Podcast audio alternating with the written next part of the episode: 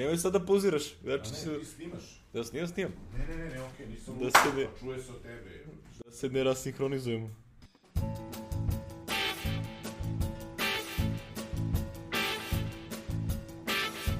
Dobrodošli u epizodu 22 uh, Infinitum podcasta. Ovaj put snimamo, gde se nalazimo? Macola, kako se zove? Servis. Nalazimo se u Macola servisu.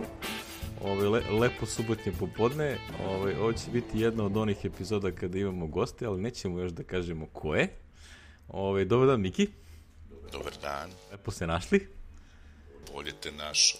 E, nemoj ti. Lep je ovaj Nemoj taj prostor. duboki glas, odseći ćete ovaj moj audio. Nećeš da se hvališ na čemu snimaš. Evo, ajde, evo, hoću, ajde. Snimam na mom računaru. znači, snimam na mom računaru, ovaj, sad imamo, ovaj, pošto imamo gosta, snimamo na dva računara i na našem novoj, da kažem, a, novom, kako se to kaže, pridošlica u naš novi u studio, a to su Blue Yeti, a, ili Yeti Blue mikrofoni. Znači, Miki je pribavio dva komada, to je naš drug Vlada Veljković je ovaj, doneo iz a, Velike Amerike. Božić Bata iz Božić Bata. Tako da sad imamo ovaj, onako lepe mikrofone, još uvijek se podešavamo kako da, ovaj, da se čujemo samo one što priča, a ne i one što je sa druge strane mikrofona, ali bit će nešto. I zamišljali smo ih mnogo manje. Vlada kad je doneo, ja rekao, ovaj mikrofon može da ubije čoveka i to ne od struje, nego ovako, bukvalno od težine. Da, prilično su teški. Nego da pozdravim i našeg gosta. Dobro došao Milke. Hvala, bolje vas našao. Dobar dan. Čekali smo ga od maja. Čekamo ga od Maja. Ovaj, evo, Ja mislim da si ti još ranije to... Pa ranije najavio, za sam maj smo postoji se dogovorili, mogućnost da, da gostem u maju, ali od toga nije bilo ništa i evo Pa dobro, druge obaveze. sunčanom oktobru. sunčani oktober. Pazi, ono da si došao tri dana ranije, bila kiša, ono, Znam. tumurno. Ove, ništa, ove, ajde da protrčimo prvo kroz ove neke vesti, a, pa ćemo onda da predstavimo i ko je Milki i zašto je kod nas i ove, šta nam je današnji topik. Znači, vest koju sam ja našao, sve ostale si ti ubacio, ali vest koju sam ja našao da je, ove, mislim, vezane za podcastere i za tu priču, a, dragi nam hakeri su provalili Patreon. Ili kako se to, to kao Patreon se kaže, tako? Znači, Patreon je a, tako fino hakovan da ne samo da su uzeli, ne znam, database, nego su uzeli source code i ono, znači ono, bukvalno root, bio, ima screenshot, screenshot ono, znači root, a, screenshot ruta od web servera. Znači ono, USR pa na dole. Znači sve su pokupili. Lepo. E, ima neka tipa 13-14 GB arhiva sa svim ono, a, ono, userima, e-mailovi, ko je koliko dao para za koji podcast, znači ono, sve se lepo vidi. Nije samo tu podcast, ja sam dao i za snimanje neke serije i tako. Da, znači, u principu, Patreonu mož, na Patreonu možda tražiš ono donacije za bilo šta. Znači, ono, to je, to je dame na sajte da nekom daš pare zato što ti nešto znači. I onda je sad to prilično zanimljivo, ovaj, se sad zabavljaju ljudi pokušavajući da mapiraju ko je kome dao koliko para, znači, zato što passwordi su kriptovani, kako se vidio, B kriptom, i ono 2408 ovaj, vidio tako da ono nema leba da se to ovaj, provali. Ali ovaj, ono što je problem je što su im uhvatili source code. I onda mogu da, traže bagove ako imaju source kodu pa da pokušaju da provale key. Čekaj, za sada nema nikakve, nikakve A sad štete. ništa, samo se Konkretno. vidi lista username-ova koji su ti email Da, da, adrese, da. tako da to može se vidi. Passwordi nisu, ovaj, ali recimo tako su, tako su provalili ovaj Ashley Madison, onaj dating site. Znači, oni su isto kriptovali passworde onako svetski, međutim ovi su analizirali source kod od sajta i našli su koji je key i ostalo i onda su to iskoristili da ovaj, izvuku nazad, ovaj, da prosto... Čekaj, je bila ona uh, asimetrična enkripcija, znači da su pronašli master key na, odnosno private key su pro, pronašli na, na, na, na, na sajt. Znači, mnogo ružno. Joj, joj. Tako da to je sad zabava, ovo, još, još nema da kaže nekih reperkusija što se toga tiče, sem što je Patreon sad u, u problemu, ali generalno za, za same korisnike još uvijek nema, jedino što, znaš, ono, tipa, ako si davao raznim donacije, Ko, koga smatraš korisnicima? Na što smo plaćali ili ovi što su dobijali par? jedni drugi. A dobro. Jedni i drugi, boga mi. Pazi, mogli smo mi da se učlanimo da nam neko udeli neku crkavicu, ali srećom nismo. da, vidiš, mi, mi smo preventivno znali da to ne valja. da, da, da. Ma ne, mi smo hobisti još. Ne znam. Ajde ti, sledeća vest. Amazon. Sledeća vest. Jao, Amazon je zabranio, odnosno neće više da prode Apple TV i Google ovaj, kako se zove, Chromecast, a? Ne, koliko se shvatio, neće ništa što nema Amazon Prime uh, integration. Da. Što znači da Amazon neće napisati Prime aplikaciju za Apple TV. Ovaj, sad tu možemo da pričamo. Vreme je da ponovo se tuži Apple, znaš, za nešto. Na, da, ga to je država lepo. tuži, pošto Amazon ko ono, kako Da, se kaže... John Kroger je to lepo napisao, mislim da je vreme da federalna vlada opet istražuje Apple. Ko ono za knjige. Zar oni, mislim, ja ne znam koliko oni, koliko ljudi kupe te stvari preko Amazona, ne, ne direktno preko Apple, ali ja, da li se oni tu malo ne odriču ipak nekog silnog profita? moguće, ali po cenu da furaju svoj sadržaj, znaš, to je... Znaš, problem je što su monopolista, znaš, i sad njih neće niko da pipne, a Apple su kaznili u suštini za pravednu stvar, Dobro, da kažem, ali to dobro, to je stara priča, znaš. Pazi, još se mota, znaš, to mi se sviđa što Apple ne odustaje i ići će do Ustavnog suda, znaš, ne, on ima para da kaže, dobro, evo vam 100 miliona, ili koliko su im tražili ovi, ja ne znam, dio, ova, federalna, Da, da. kako se to zove, su im tražili ne znam koliko da plati, da to imaju onog tamo, onog što ga plaća Apple, onaj, znaš, onaj što ih kontroliše kao inspektor pa sedi u firmi. Ono što od suda, suda A, da, što, da, a što da, je da, lični prijatelj sudije koja je to, znaš, da, da, to je, to je u stvari problem. I, znaš, i onda su zaštitili monopolistu Amazona, a Je to već e, ono, u akciji, mislim, krenulo ili se najavljuje da će da se desi? Za banovanje ovih Da, da, da, uređaja, mislim za- da se već krenulo, krenulo, već da skidaju. Znači, ovo što imaju na zalihama, to će da prodaju i to, tako sam ja pro, Meni, ukapirao. meni deluje da, da će Amazon sve što su kupili Top Gear, znači to, ono, Top Gear je Jeste, došao da. na Amazon. Emisiju? Emisiju, da, da. Emisiju su kupili ovi već... A čekaj, izvinim sad što ja pregledam, a, jesu li kupili a, kao, otkud ja znam, trademark?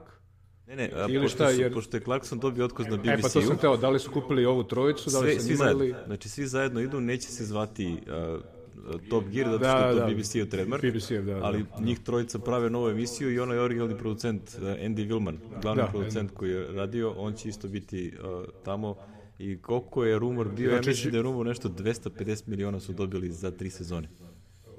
Ukupno ili svaki po? A, sve zajedno je koštalo 300 250 miliona. To A bio je rumor cifra. da je, da je i Apple ovaj, učestvovao na licitaciji, Da je hteo da... da je hteo i da ih je ovaj... Kao za... Da su zaključili kao to je previše para i nećemo, ovi su im dali. Sad očigledno pokušaju, znaš, ako još nabave par tih recimo nekih ekskluzivnih, pošto Tolbir je ultra popularan. Znači ja mislim da je BBC od toga imao godišnje negde oko 200 miliona Jest. funti. Doduše, ja sad, ako bih svoje mišljenje iznosio o toj emisiji, to bi verovatno celu epizodu... Samo to... Samo slobodno, Eto, samo e, slobodno. Eto, eto, eto. E, pazi, e, napravimo mrežu.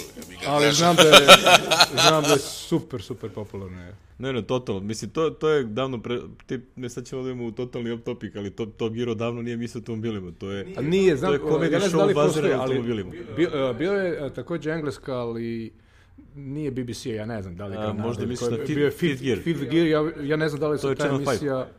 Šta? Channel 5. Channel five. Da li se ta emisija još uvek uh, uh, snima i emituje, zato što je to stvarno bila emisija O automobilima. o automobilima i stvarno su bili i stručnjaci, bio ovaj Tiff Needle koji je bio svojevremeno i vozač Formule Da, jeste, 1, on je jeste. bio jedan test vozač, mislim ne da provoza auto najbrži krug kao što ga rade Stig, ko je Stig, niko ne zna, nego baš čovjek priča o karakteristikama automobila, međutim to zadnji put kad sam gledao, mislim više od 10 godina, tako da ne znam da li moguće da su ih ovi totalno ubili. Ja iskreno ne znam, ja sam to pratio sve vremena, pošto sam u bivšoj firmi svako malo išao u Englesku, pa onda tamo vrtiš kanale i vidiš to, ali ovako ne znam, znači ne znam, ne sjećam se. Ali eto, zanimljivo potez Amazona, mislim, ono, a, prilično, za- živo me zanima, znaš, ono, da li tu uopšte postoji neki, da li oni tu krše nekakav zakon i nešto. Pa nemam pojma, ako, ako pričamo o monopolu, da bi nešto bilo monopol, znači to je nešto što mora bude ili kao jedina prodavnica Pa ne, ne, oni online nisu prodavnica koja sada. postoji ili da, da ima takav nekakav status. Mislim, ja sam pokušam da se vežem na onu priču o Microsoftu, zašto su Microsoft napali svoje vreme u 90-ih. Ne samo zato što je bio neprikosnoven, nego zato što je a, svojim ponašanjem i, i politikom instaliranja i tako dalje praktično uslovljavao a, druge proizvođače softvera da moraju neke stvari da, da urade, ako ne, jednostavno te otkači, jer ti, tvoj program bez Windowsa ne vredi ništa, jer na Windowsu, na Windowsu trči. Ne znam da li ovde postoje neka... Iskreno mislim da ne- nemaju, nema nekog...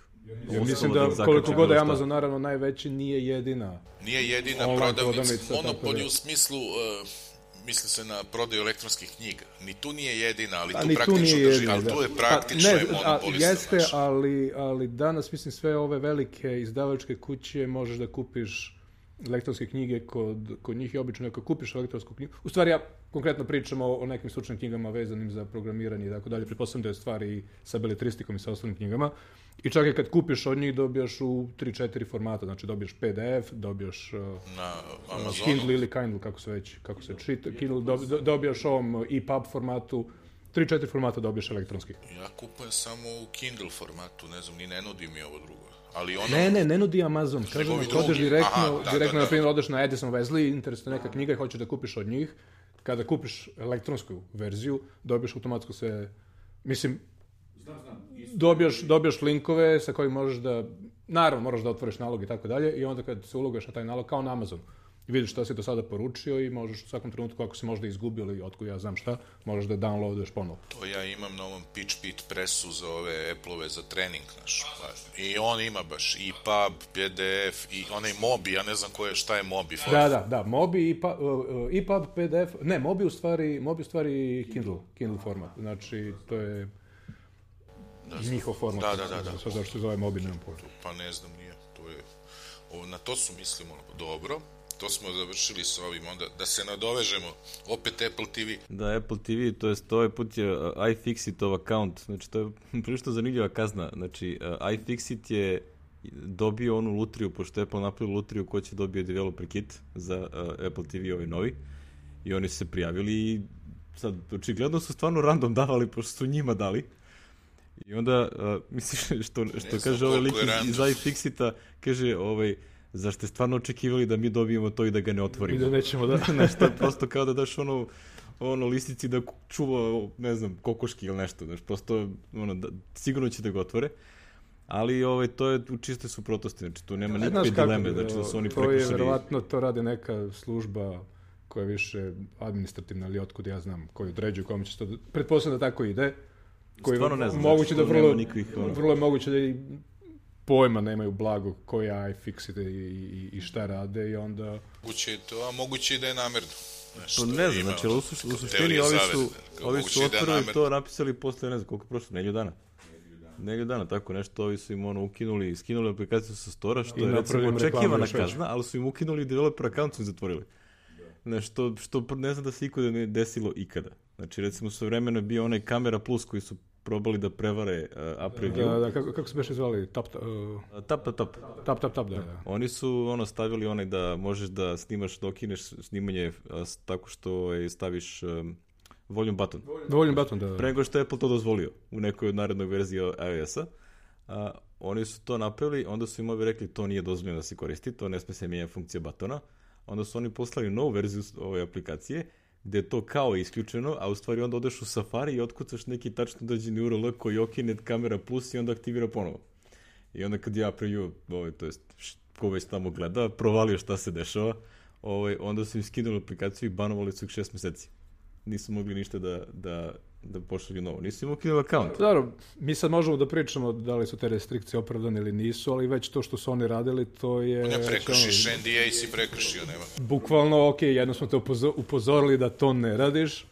Ma znali I- su oni šta rade, znaš, zna oni bilo kakav Misliš ovo, tap, tap, tap ili... Ne, a, mislim, a ne, pričam za iFixit. A, za iFixit. Znali su oni šta rade, znaš, ovo što su radili.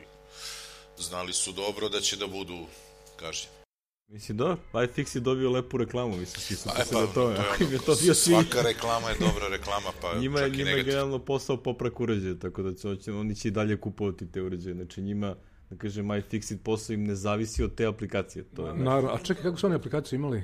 a, pa oni su imali praktično aplikaciju koja je Sa PDF-ovima, potrebljivija recimo. verzija sajta, znači oni imaju one tutoriale da, za okej, da. transport, Mo, mogu si da naručiš, znaš, tipa, hoćeš da popraviš nešto i Da, ti da, direktno znači- naručiš proizvod koji hoćeš da Znači, to je bila samo mobilna aplikacija za, za iOS. A, da, im, ne, imali su i za i druge. za Android. I za Android. Mislim, nije, nije bilo za, za, za Mac, samo za, za, Da, pa za, mobilne, za mobilne Na operativne Macu imaju sajt koji je odličan, znači njihov sajt je vrlo Da, da, pa upotrebljiv. zbog toga da... Ja, ja sam ga redovno koristio za popravku svojih telefona IHH, ono. znači, ono, ne, svako malo sam nešto kršio ekrana i popravljao, tako da, ono, iFixit je zakon što se mene tiče.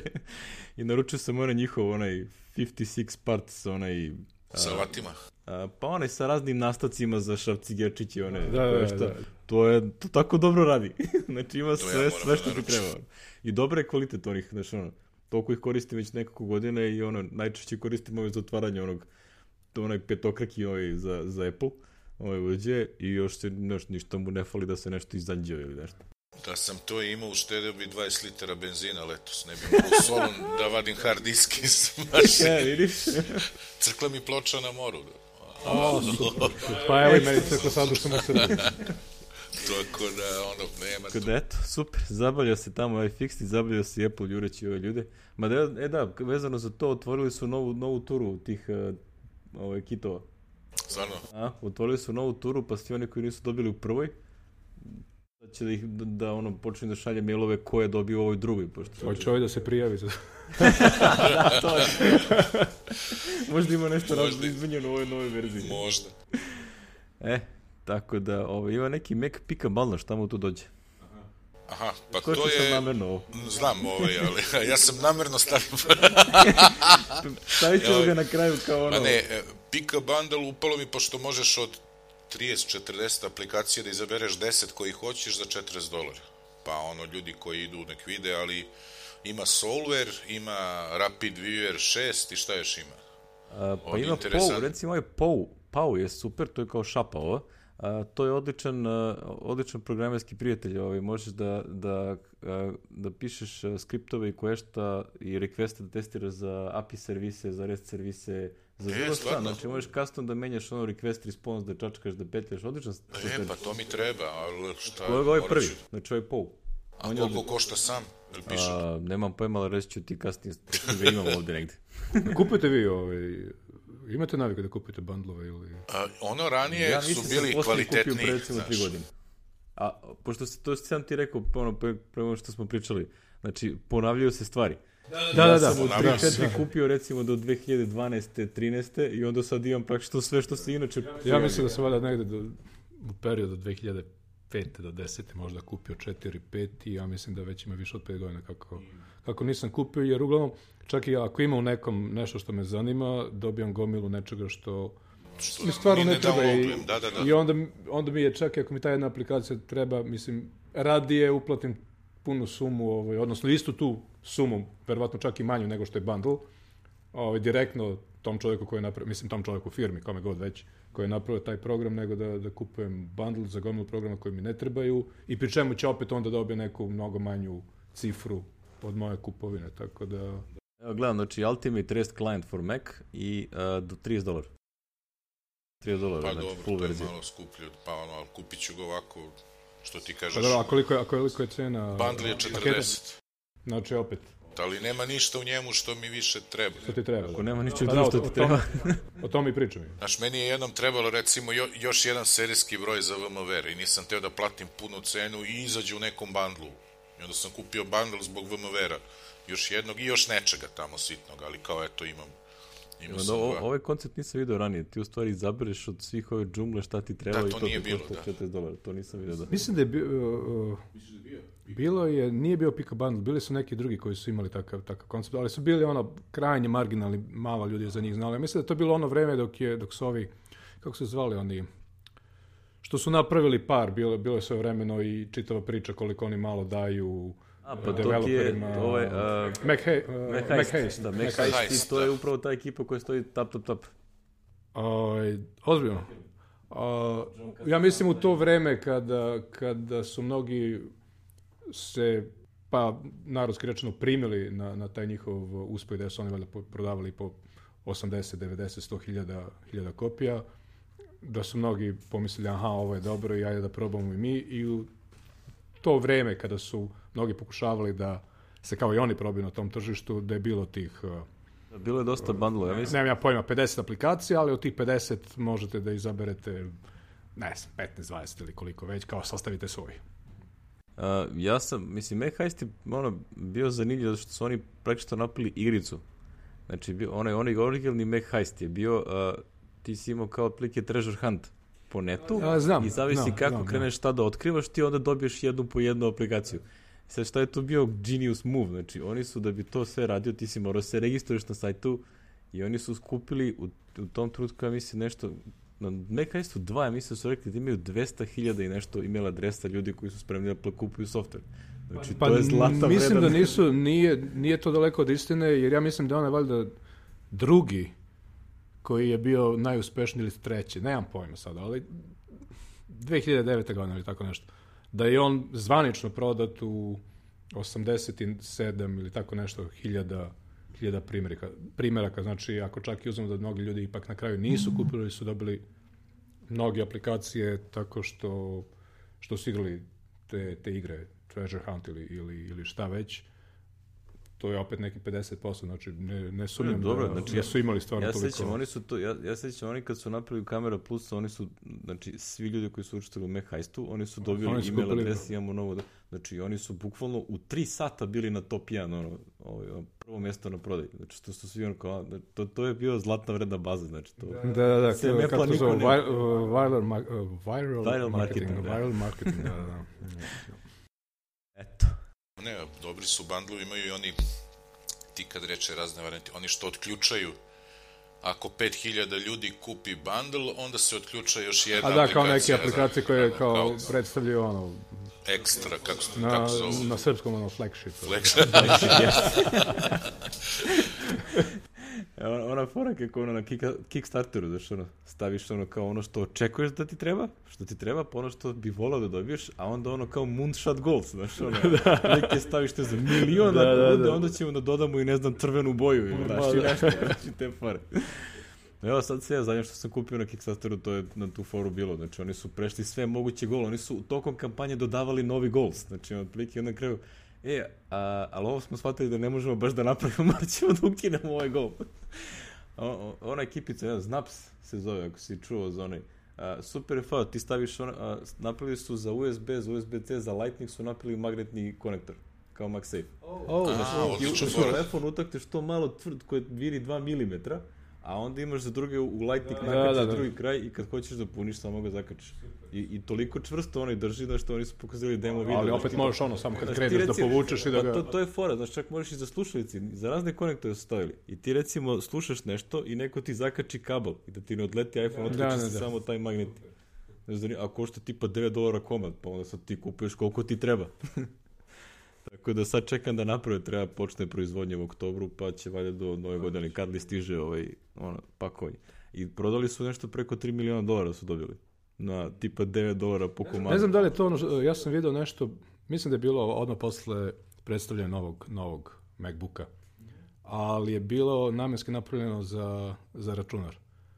Super je bilo dizajnirano, ali ne mogu da se setim uh, da li je, da li je to ime bilo u pitanju. Da li, i, I da je isto bilo ono kao uh, da će ići u proizvodnju samo ako uspemo da Ja mislim da je to neko na... isprosimo dovoljno para. Na Mac Break Weekly, znaš da on ima one pick of, pick of the week na kraju, da je neko to, to što što Milke priča, da je neko, ali ne mogu da se setim tačno šta je Bilo nešto. bilo. E, Da spomenemo, Ela, El kapitančeta. Capitane, da. Izašao je, nećemo mnogo o njemu, stavit ćemo jedan lik Mac Stories review, mada bi ima 3-4 reviewa. Ima ih dosta. Ja sam prošao samo ovaj Ars Technica, to je više dođe kao čisto... Ne, E, nema više po, Sirakuze. nije, nije više Sirakuza, ali do, dobri su ovi, mislim da sad piše par, par ljudi. Ja sam počeo čitati, stigao sam isto do pete strane. I baš su dobro napisano. Da, par ljudi, mislim da su uh, koriste, pokušavaju da koriste isti stil, pokušavaju da koriste iste uh, u smislu da kad spomenu nešto, na što može da se ode, da se pročita nešto detaljnije, to, to stave ovaj, ono, link, znači, naznačeno i onda ti možeš na to naravno da, da klikneš i da odeš. Na, znači, apsolutno kao da je pisao ovaj, John, samo što su drugi ljudi i ima na, na par mesta neki određeni deo, na primjer, praktično dve strane su bile posveđene ovom uh, uh, System Integrity Protection, zato što je to daleko najveća stvar u, u ovoj verziji. Uh, piše iznad toga kao uh, deo o SIP-u je pisao ovaj, taj i taj. Da, da, dva autora, Andrew Han i nek, neko još. Uh, mislim da je jedan Holandžan, zato što ima ono fan u srezimenu. Sada da li je možda da Amerikanac sa takvim imenom ili... A, mislim, kad se je spomenuo System Integrity Protection, znači, ja sam sad shvatio koliko ja koristim uh, default folder X. Na, Folder X. a, znači, to, ono, to je... Pro... E, je li uspeo ovaj da ga... Nije, rekao je do kraja oktobra će izaći, ono, trebalo bi u oktobru da se pojavi public beta, pa do kraja oktobra kao da izađe final. A, ali to sam shvatio koliko je u stvari korisno. Ali na koji način, uh, je li nešto napomenuo, to sam pročito ja valja na, na kao, da li je blog ili, ili šta me na na, stranici. na blogu, nešto. pa meni se pojavilo kad se instalirao i onda se nekompatibilnosti sa, pojavio, sa znaš, ovim jako- 10 i 11. Ja, zaboravio sam da ovo proverim, znači to je otprilike ono, si, si opet... Ali je li, je li za naznačio na koji način će to da radi, s obzirom da on stvarno mora nešto da, da stavi da... Ne znam, znači nešto je rekao da će raditi, je sad kako, ne znam.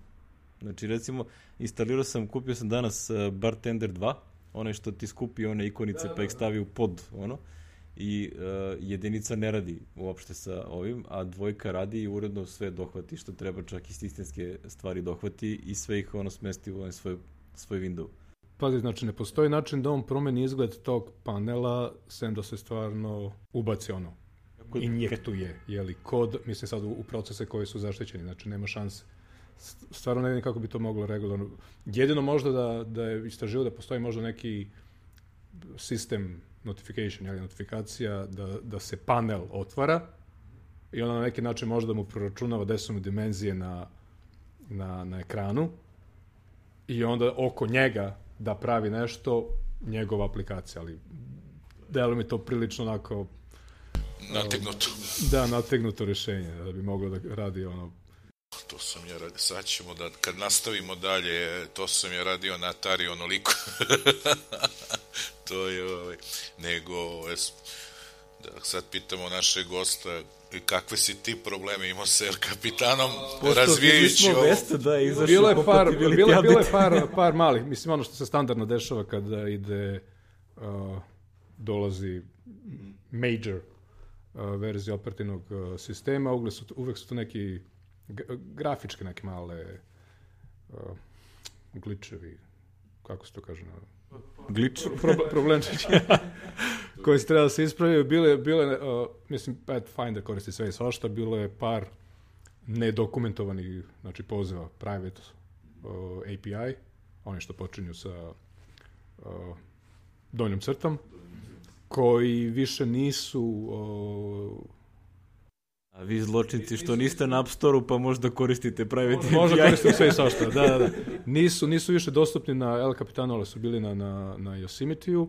Imaju i svoje ovaj, eh, zamene na, na El Capitanu, ali mi naravno morali smo pravimo još uvijek da to radi i pod eh, starim verzijama operativnog sistema, tako da je bilo malo da se ti uh, nedokumentovani pozivi zaobiđe, odnosno da se napravi kod koji će da... Konkretno, a, najveći problem u tom smislu je bio kada onda imaš get info, znači fajla i onda application bounding. Kad imaš aplikacija, uh, uh, fajl u kojoj se aplikacija otvara i onda kad hoćeš uh, open with. Uh, to možda i znate iza ugla, sad možda malo više tehnički, iza ugla se doda resource fork u kome ima ovaj usro uh, resource koji ima praktično putanju. Čak nije ni, ni ono bundle identifier, nego ono baš, putanja. I postoji, uh, naravno, sve to možeš da uradiš ručno, ako ideš na uh, uh, file management API koji je mm, ono, deprecated, još od uh, 10 osmice. Postoji nedokumentovani uh, poziv koji sve to radi za tebe. Ovaj, taj poziv više nije dostupan, postoji neka zamena, ali ne postoji u ranijim verzijama, tako da je sad to sve moralo ručno. Ali ipak najveći problem je bio ove operacije koje zahtevaju eskalaciju privilegija, znači kako hoćeš da kopiraš ili da pišeš ili da promeniš ime uh, fajlova u direktorima gde nemaš pravo, kao običan user, na primjer, hoćeš da kopiraš nešto application, rad, ono, u- ulogovan si kao običan, običan korisnik, a, tu postoji čitav API koji se za to koristi i način, a, mislim, API je praktično ostao isti, ali način šta sistem radi prilikom instaliranja tih privilegov, privilegovanih programčića koji to mogu da, da rade i koji imaju a, povećane ovaj, a, root privilegije se nešto razlikovao, tako da to uopšte nije, nije radilo sa starom verzijom. Ti bi recimo to krenuo bi on Authenticate, uneseš a, korisničko ime i, i, i da, lozinku i onda bi on ovaj, te terao ponovo, to da uradiš i ponovo i ponovo dok ne kažeš cancel, ajde, pusti me na mir.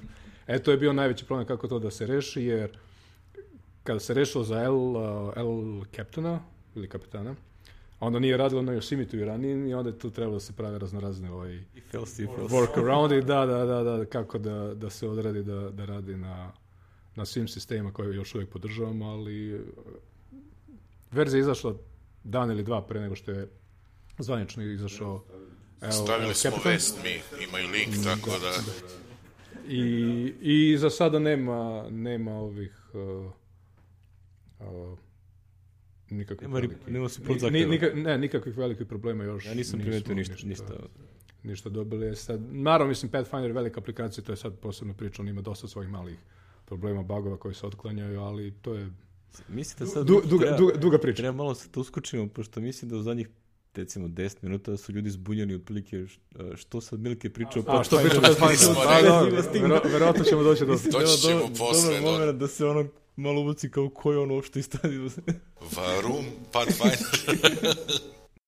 Desilo se to tako silom prilika, ja ne znam kako ide scenarij, da li ćemo to da Pa dotaknemo kasnije ćemo, ali ko je dobro, Kako krenuo i kako je došao, da ja radim na tom programu već pa jedno četiri i po godine, uh, skoro puno radno vreme, pre toga nekih deset meseci, ono kao drugi, drugi posao, znači otprilike nekih 16 do 20 sati nedeljno i u međuvremenu sam došao dotle da sam sada praktično glavni developer, odnosno glavni, glavni čovjek koji, koji na tome radi.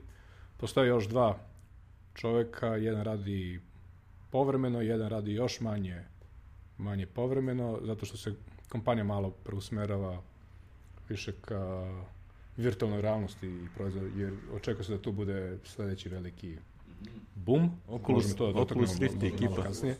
Ali o, Pathfinder je još uvijek ono što donosi glavnicu profita, tako da će sigurno još uvijek da bude da, prisutan, ne, sad ja imam raznorazne ideje šta bi u njemu trebalo da, da se urade, ali to zahteva dosta resursa vremena, tako da vidjet ćemo postepeno. Ja se sećam kako se ja prvi put provalio da, znaš, da ti radiš na, na Pathfinderu. Mislim da je kod šestice ili ne znam, ili možda čak i ranije. Jeste kod šestice, kod še- ja sam počeo da, da radim kad je šestica bila u pripremi i u principu šestica 6.0 je prva koja je imala moje ime u onom... uh, Ja, ja sam, mislim da sam ja kupio Pathfinder 5 i nešto sam ga malo koristio i onda je brzo iz- izašla šestica. I ja tu nešto gledam i kao, aha, kao, e, ali što je bilo super kad bi ovdje postojalo nešto liči na Total Commander, pa nešto kopreš levo desno i kao, ajde ja prošaljem support request, pa da im šta će se desi. I odem ja da im kome treba da šaljem, odem about box i vidim Dragan Milić. Hm, čekaj, ovo mi ime poznato. To je vjerojatno sa Mek Srbije. Da, sa Mac foruma, Srbije. da, da. Ovaj, tako da tako sam, tako sam pohvatao kao, a, dobro, naš čovjek, sad se dogovorimo. Pa, e, ja mislim da je to čak i tada, i tada bilo samo što... a, problem je što, što Pathfinder, mislim, to nije u mom domenu, nema help sistem. A, napraviti help sistem je užasno veliki posao. E, trenutno ne postoje resursi, odnosno ne postoje ljudi koji, koji bi to radili. A, bio je pokušaj da se to odradi preko, no, da se outsourcuje i to nije baš ispalo kako valja i uh, problem je što mnogo ljudi koji ga i koriste i ne znaju koje mogućnosti ima, jednostavno zato što mislim ja to razumem, takav sam ja, mrzim ih da odu u, u podešavanja, jeli, preferencije i da pogledaju šta sve tamo ima. Ima ih dosta. Tako da, gomila ljudi ono kao kad ćete da uvedete konačno na pritisak na jedan taster uh, kopiranje ili, ili move ili iz jednog panela u drugi i tako dalje. Te stvari već postoje po defaultu, samo što su ljudi verovatno ovaj, lenji da pogledaju po meniju šta ima sve. A, ovaj, a čak i ako, ne, ako im ne odgovaraju skraćenice, meni ne odgovara F3, ja bih više volio da bude Ctrl Alt, nemam pojma, ode su preference, keyboard i onda tamo možeš bukvalno da podesiš za svaku akciju koja postoji u meniju, možeš da podesiš skraćenicu koja tebi odgovara. Naravno sve dok nije u konfliktu sa, sa nekom drugom. Čak mislim i sistemski ono uh, copy-paste. Ako nećeš da ti bude Ctrl-C, Ctrl-V, možeš da podesiš da ti bude šta god ti hoćeš. Tako. Korisnici su lenštine. A ne, ja to, razu, ja, ja, ja to razumem ovaj, Da, da, i, i potrebno je, mislim, takav program koji, ne znam, mnogo, mnogo, mnogo ljudi uh, uh, koristi i ima dosta naprednih funkcija, smatram, bi ipak trebao da ima neki, neki help sistem, mislim. Opet kažem, to nije u domenu onoga što ja radim, ja mogu samo da sugerišem, a sad ove što se bave, jeli, support, podržavanjem, ukoliko oni tu malo više se ne, ne zauzme. Jer njima je to najveći problem, oni non stop moraju da odgovaraju na ista pitanja koja su vrlo lako bi se našlo u helpu. Vidjet ćemo. Mislim da, je, mislim da je Gus Miller nešto baš ozbiljno napravio help sad u Acornu 5. A, Ne znam da li si ti... Ovaj, Gus Miller u Acorn 5. Ekon, al, uh, U petici ja mislim da je jedna od stavki koju je baš naveo kao total revamped uh, help system. Sad, ja iskreno nisam kupio, tako da ne znam šta je radio. nije problem napraviti u smislu, postoji i alata, i alati koji to, to rade baš Apple sistem Problem koji je stvari. HTML based, da li ima neke svoje, da kažem, tagove. Ništa to nije problematično. Problem je u tome što za program ove veličine je to mnogo i mnogo i treba, znači, dosta da se, da se praktično treba, kao kad bi se pisao, mislim, mnogi ljudi čak traži PDF ono kao, kao knjigu. Znači da ja mogu da uzem da, da, da listam, nekad radim program, nego eto, možda nekad sedim, nemam šta da radim, ajde da vidim šta ima. Očigledno da, mislim, ja sad u, u tom domenu ne mogu da, da zalazim u politiku firme, ali očigledno da se tome ne pride tolika, tolika, važnja, eh, tolika pažnja. Eh, Ovo od eh, što ja dobijam od, od support ekipe se uglavnom tiče bagova i nekih mogućnosti koje se traže da se implementiraju, tako da zahtevi za, za nekim help sistemom ili, ili pisanim, štampanim ili kako god ovaj, uputstvom ne dolaze do mene i ja ne znam koliko ih ima. Možda je procena da je to još uvek toliko malo i da je sam, program sam po sebi to što radi dovoljno jasan da, da može i bez toga, tako da verovatno postoji neki balans gde firma balansira, ok, još to nije tolika uh, issue, to, toliki ovaj, zahtev, šta ti, ja znam da bi mi sada u to, jer treba stvarno dosta i, i vremena i, i neko ko će da samo na tome radi sigurno par meseci. Da to bi što ispadne ono kad uh, su- support počne toliko da košta da se onda isplati da počneš i to da, radiš. da, pa Neki, A znaš, da to su... Ne, ne, ja sam Po se scenariju. zamislio, nego, seća, ja sam bazaš, bre, dotaći ćemo se toga, pa kod nas važi ono, ali je- ja radim u ovom 4D-u, pa sam sam sve, znaš, i, i većina 4D developera su sami ljudi, znači on je jedan čovek firma, pa je on ujedno i sve, ne, ne, ne, ali help system 4D ima nešto svoje, znaš, ali to su u principu, znaš kako smo mi to, idealno bi bilo, znaš, još od procesa, kako se kaže, ono, kad skupljaš zahteve, jeli, requirements, ti kreneš da pišeš i od tog dokumenta koji napraviš, što bi mi ovde rekli, projektni zadatak, ti je osnova u stvari za dokumentaciju, za help, znaš, za dokumentaciju. I to onda, ali to mora da imaš sistem razrađen da, da, da... Moraš da imaš sistem i to jedan čovjek. Ne, mislim, može da radi jedan čovjek, ali, ti, ali bi ti onda vjerojatno samo 20% svog Vremena vremena ode, da, koristio Na, na razvoj i na, i na kodiranje i na dizajniranje toga što, što hoćeš da napraviš. A 80% vremena bi koristio na... Blatan spoiler, zato i radim u 4D-u, što mi omogućava to, ali dobro, dotaći ćemo se toga posle. Ovaj, nego smo ovu temu absolvirali, ti si, Čekaj, mi smo, mi, smo, mi smo još uvijek u mi vesti. smo kao u vestima, da, nego, Još nismo počeli sa temom. Pre nego što počnemo sa temom, e, ovaj, vas dvojica ste se sad prvi put videli, a Milki i ja smo se, Uh, da, lično, mi da. smo se videli prvi put u Ozonu na neuspešnom gledanju nečega, je li tako? Na neuspešnom gledanju uh, streaminga nekog, tad je Apple... Uh, Tad je prestao, bukvalno tad je prestao. Pa ne, tad, je- tad, je, tad je prestao uh, jeli, uh, uživo, uživo emitovanje, ali Apple tada još podržavao, to je bio Macworld časopis, Oni su imali neku, neku veliku... e, Da, neku konferenciju Januar je bio, januar ili ne znam šta je bilo. Da, to je išlo u januaru i ono prilično, prilično rano u januaru, ja mislim negde Četku. oko, da, da, da, oko, 8. oko 9. našeg pravoslavnog Da, da, da. Božića, ta- tako nešto. Uh, mislim da je bilo. Macfold je išao oko devetog, tipa... Tako, 8. dan- 9. dan Ne, ne, oni su, oni su imali dva. On, jedan je bio, jedan je bio ovaj, a, U San Francisco. zimski u San Francisco, a drugi je valjda bio ili letnji ili jesenji u Bostonu. Taj u Bostonu je Apple digao ruke od njega, mislim, još su 90. ukinuli, da. godina. Da. A ovaj uh, su prestali da, uh, ono, live streaming, da daju, mislim da To je je to bio prvi put da su prestali. Da su prestali, zato smo se mi i okupili onaj, Bilo da je, i to još nije bila Mac Srbija, nego smo se... Nije bila Mac Srbija, to je bio početak. Elix to je bio, negde tamo smo se to- dogovorili Da, kao- to je bio početak, to je bio januar 2005. Mac Srbija je krenula negde u aprilu, u aprilu te godine. Da, da. Ali je već bilo govora o To je tome bio na, zam, na, zametak.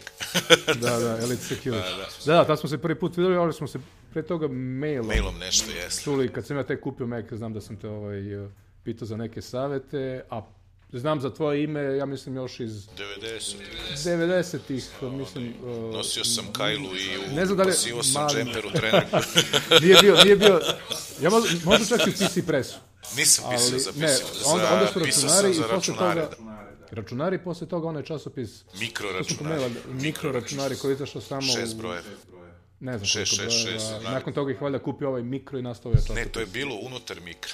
Znači, e, mi smo napravili puč kao što su Dejan i Zoki otišli iz računara i napravili PC Press, onda smo došli mi, onda je moj drug Vlada Aleksić. Ne, ali, ali, ali je, da. Ne, ne, Onda- znam ja pauzu. I računari su još jedno godinu dana izlazili sa tom drugom Ne, ekipom. izlazili su, boga mi, još dve godine sigurno. Mi smo, deve, januar 96. je bio, znaš kad smo se mi, na sajmu knjiga smo, sad pričam tajne, valjda smem, neće Draganče da se ljudi, bi...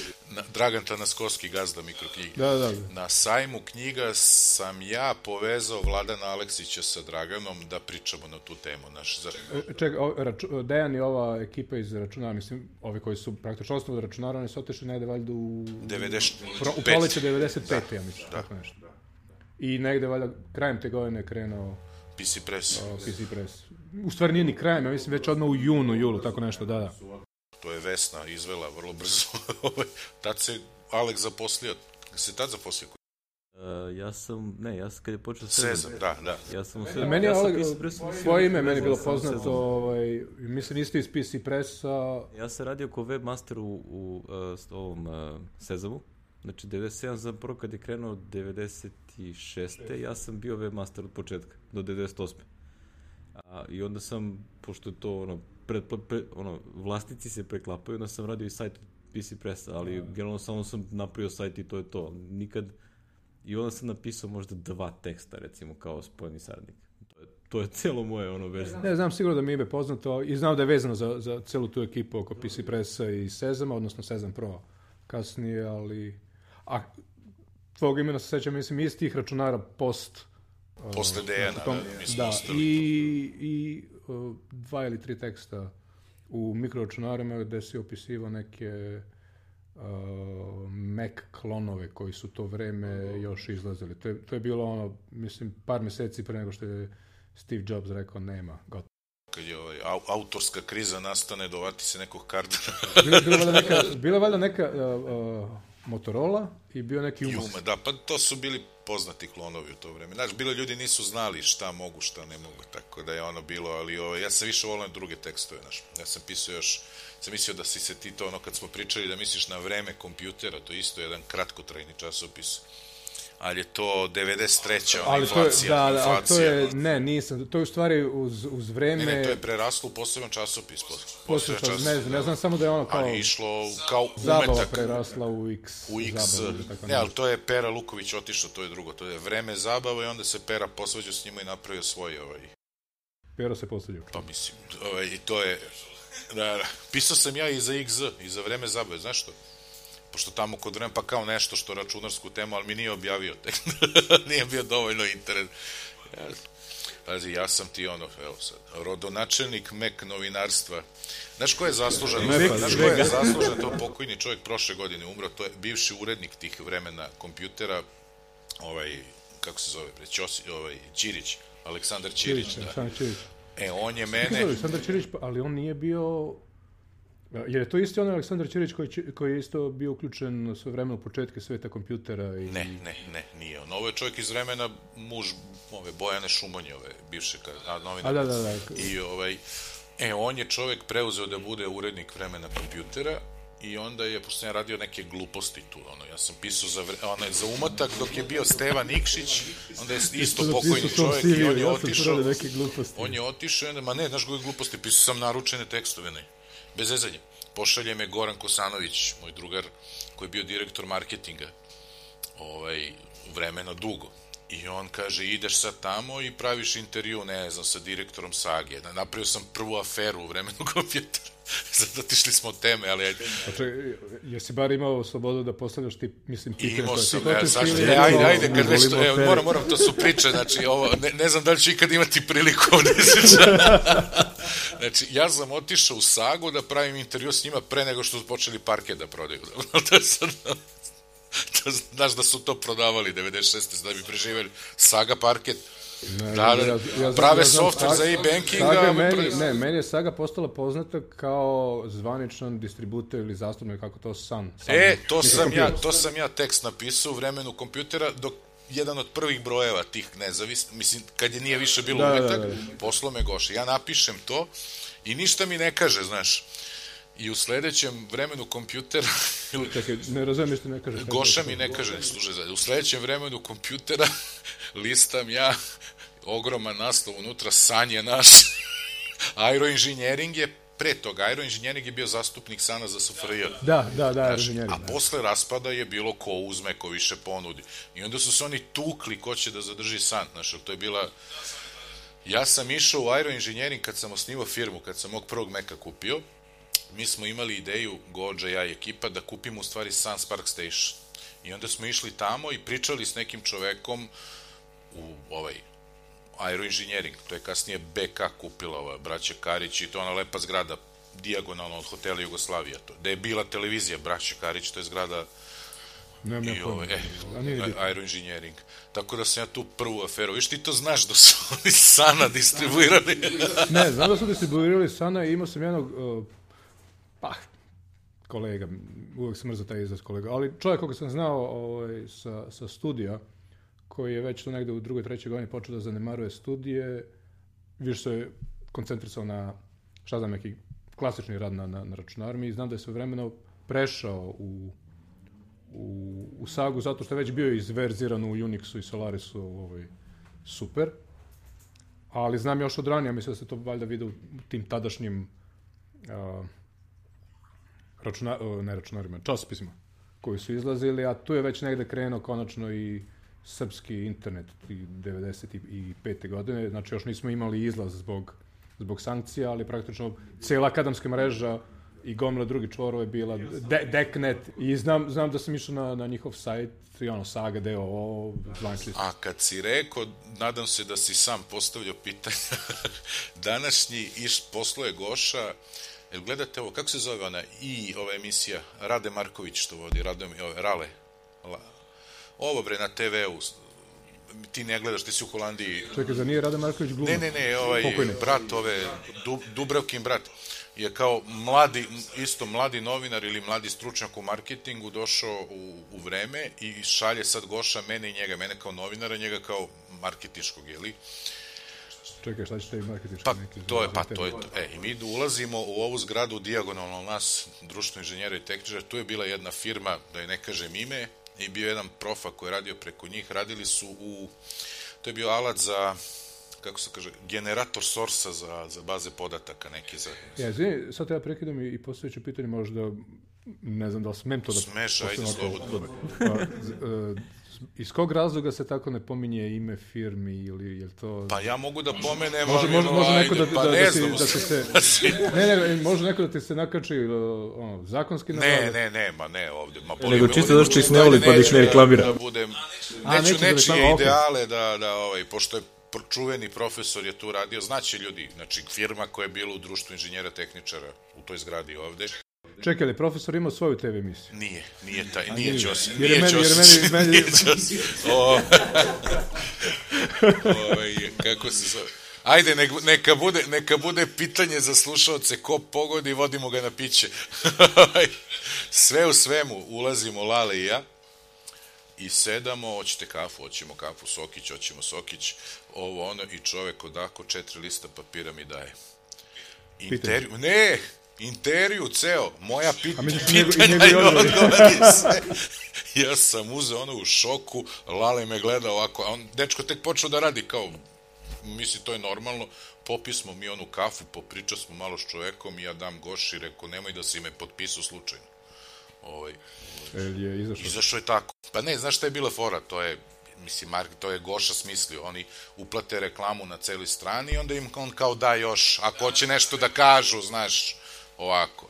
E sad, bili, neki ljudi su tražili autorizaciju, recimo taj Sage, mislim da sam mu slao me, mailom nekim nešto, da, Da, on su da- pročita i da kaže da ok, pročita, je, neki ništa, onako samo bre, cepaj. Normalan intervju, normalni, gde sam još išao u koje firme? Ma u, u 20 firmi sam išao tako. Jel mogu ja ovaj, kada vi ovo snimite, tražim autorizaciju? Možeš. Ta, taman da preslušaš da izabereš za naslov, da ne moramo mi jevi. da, da. A šta, nemamo još naslov? Naslov se izvuče iz... Naslov se izvuče ovo što neka pošalica ili tako nešto. Da, da. To je for. Evo, tako smo se mi upoznali. E, hoćemo da pređemo na temu. Konačno, posle 52 minuta. Tema je Meki i iOS programiranje. Programiranje u globalu. In general. In general, ovaj, pošto smo se našli tri praktično branše. Tri branše. Tako, da sad pređemo na, ovaj, na epizodu. Topik. Da, da, da, topik. I da vidimo kad je Milko počeo da programira. Koklinac ili... Ko klinac. Pazi ovako, ovaj, a, čitavo moje programersko iskustvo do pre jedno, znači tih pet godina je hobističko. Znači ja se nikada time nisam profesionalno bavio, ali mi je bio vrlo, znači hobi oko koga sam bio vrlo a, veliki entuzijasta. I tako je i krenulo, znači to je krenulo galaksija u pitanju. Znači, da. Uh, e sad, ili, uh, ja mislim da je bio kraj 84. Znači, mislim da još nije bilo 85. ali u to vreme je bilo i tad sam se u stvari i zainteresovao za računare kao računare, jer sam prvi susret sa kućnim računarima, je li imao možda neke dve godine pre toga, bio je to Spectrum. Spectrum 16K, ali je Spectrum 16K meni tada bio predstavljen Ove, od strane, od strane mog, jeli, komše Zokija, koji me je doveo da vidim Spektrum. On je, on je bio mlađi od mene, ali je imao sestru koja je to vreme valjda bila na prirodno-matematičkom smjeru u Požarevačkoj gimnaziji i njoj je kupni računar zato što su već radili na tome. Meni je to predstavljeno kao a, mašina za, kako se to, to u to vreme zvalo, TV igre. Znači imaš mašinu, priključuješ na televizor i igraš TV igre. A, naravno, već sam odlazio na par nekih mesta u Požovicu gde su bile one fliperane, gde su se igrali fliperi i tu je bilo i, šta znam, Space Invaders i sličnih igara. I onda sam ja nešto očekivao tako. I moram priznam da sam bio prilično razočaran zato što prvo kvalitet igara na Spektrumu je bio mizeran u odnosu na taj već mizerni nivo na, na automatima. I naravno, znaš već sve probleme oko učitavanja, koliko to traje, pa ako nije podešena glava kasetofona i tako dalje i tako dalje. Tako da sam ja tada više ono kao, a, ti kompjuteri, to, nije to toliko interesantno. Međutim, Galaksiju sam više, da tako kažem, ne zavolao, nego sam se zainteresovao za računare zbog elektronike. Ja sam ja već tada nešto dali, otko znam, pored oca ili kako je to krenulo, um, tranzistori, otpornici, kako to radi, šta radi. Onda kad vidim neku, recimo, štampanu ploču sa elektronikom, ja, balaj. I Galaksiju sam upoznao preko drugog komšije Ratić Dragan, znači on je bio valjda kojem dana stariji od mene, koji je sklapao Galaksiju. I sklopio je celu, a jedino mi još nije došao valjda TV modulator, pa je TV modulator bio ono, uh, dislociran. par bet, ali uh, ta Galaksija čak i kad je sklopio nikad nije imala kućište. Znači ona je od uvek ostala štampana ploča sa... Kabriolet, ja sam tako zvao.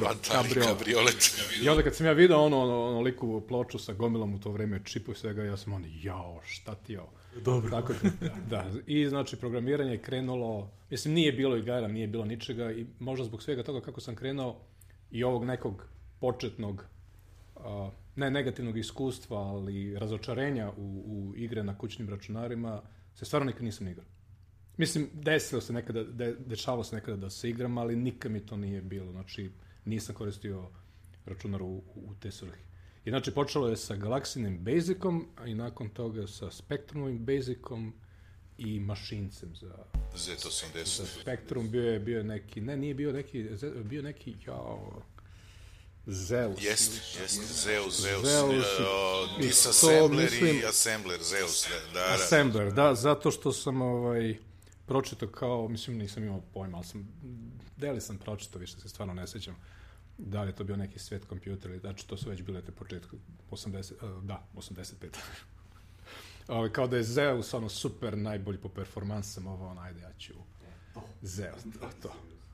To je, to je bio ovaj početak. Dobro. A ti, Alek, ti si... E, Pa ja sam svoje vremenu u srednjoj školi, znači imali smo mi, ovaj, ako se sećaš, u jednom trenutku su uveli kao blok nastavu, ono, u, u školama. Ne Ja si sjećam se mogu da ja sam mator, ja sam dobro bilo samo, a, a te, te, te blok nastave su bile samo za neke ono super inteligentne, tako biš. A, ne, ja, ja, ja, u gim, pošto smo mi bili gimnazija, a, i onda je bila fora, a, imaš dva ta kao predmeta koje da biraš, jedan je bio poljoprivreda, a drugi je bila informatika. Kakav izbor. Čekaj, Izbor je ali diametralno kakve suprotno, veze ima poljoprivreda sa gimnazijom, mislim, to je malo... Pa ne, kao, to su ti izborni To je predmeti. posle, Možeš nema da usmereno biraš jedan- više, ti nisi usmereno, baš pra gimnazija, dobro. nisam, Znači, baš gimnazija. Ja sam bio posljednja generacija koja je bila... Ja sam 74. Znači, mi, mi smo baš imali to. Ovaj. a, I sad, šta je tu bila fora, znaš? Prilike kao šta se radi na poljoprivredi, pa kao vozi se traktor, znaš, te fore, znaš, sad kao to delo je zanimljivo, znaš, ali ono kao ja sam već imao, moji su imali njive i ne znam nešto, pa su me vodali da pomažem par puta, ja se ja brzo zaključio, to nije za mene. I onda ovaj, idemo na tu informatiku. I onda, a pre toga sam bukvalno jedno što sam video od bilo kakvih igrice, ostalo su bile, znaš one male, ono što, one da, portable što držiš, one formulice što klikćeš levo desno da skrećeš. Da, Da, praktično imaš samo par određenih pozicija i ti... Znači ideš da. ono tri pozicije levo i desno, znači nema tu mnogo. I onda to je bilo, o, jedno kao idemo na informatiku. I sad seća se, a, a, gimnaziju Pirot je ono, dobroj meri finansirao Tigar. Znači Tigar je baš davao dosta para za, za kao ono, po raznim nekim tamo tadašnjim političkim smernicama, Tigar je davao pare za gimnaziju. I onda je bilo, ovaj, uh, Ej Niš je napravio onaj Pekom 32. Pekom 32, da. I onda smo to dobili, jedno šest komada, ja mislim, bilo u učionici i uh, ja sam se totalno zapalio. Znači, to je bilo nestvarno. Znači, ja sam, a, sad se smo imali blok nastavu tipa nelju dana, samo nemaš ništa nikve časove, samo to. I onda imaš deo ekipe prepodne, deo popodne. I onda sam ja bio, recimo, to seća, ja sam bio popodne, I onda ja pitam, jel mogu ja da ponesem ovo, ovo kući, pa ću ga vratim ujutru pre nego što krene prva smena.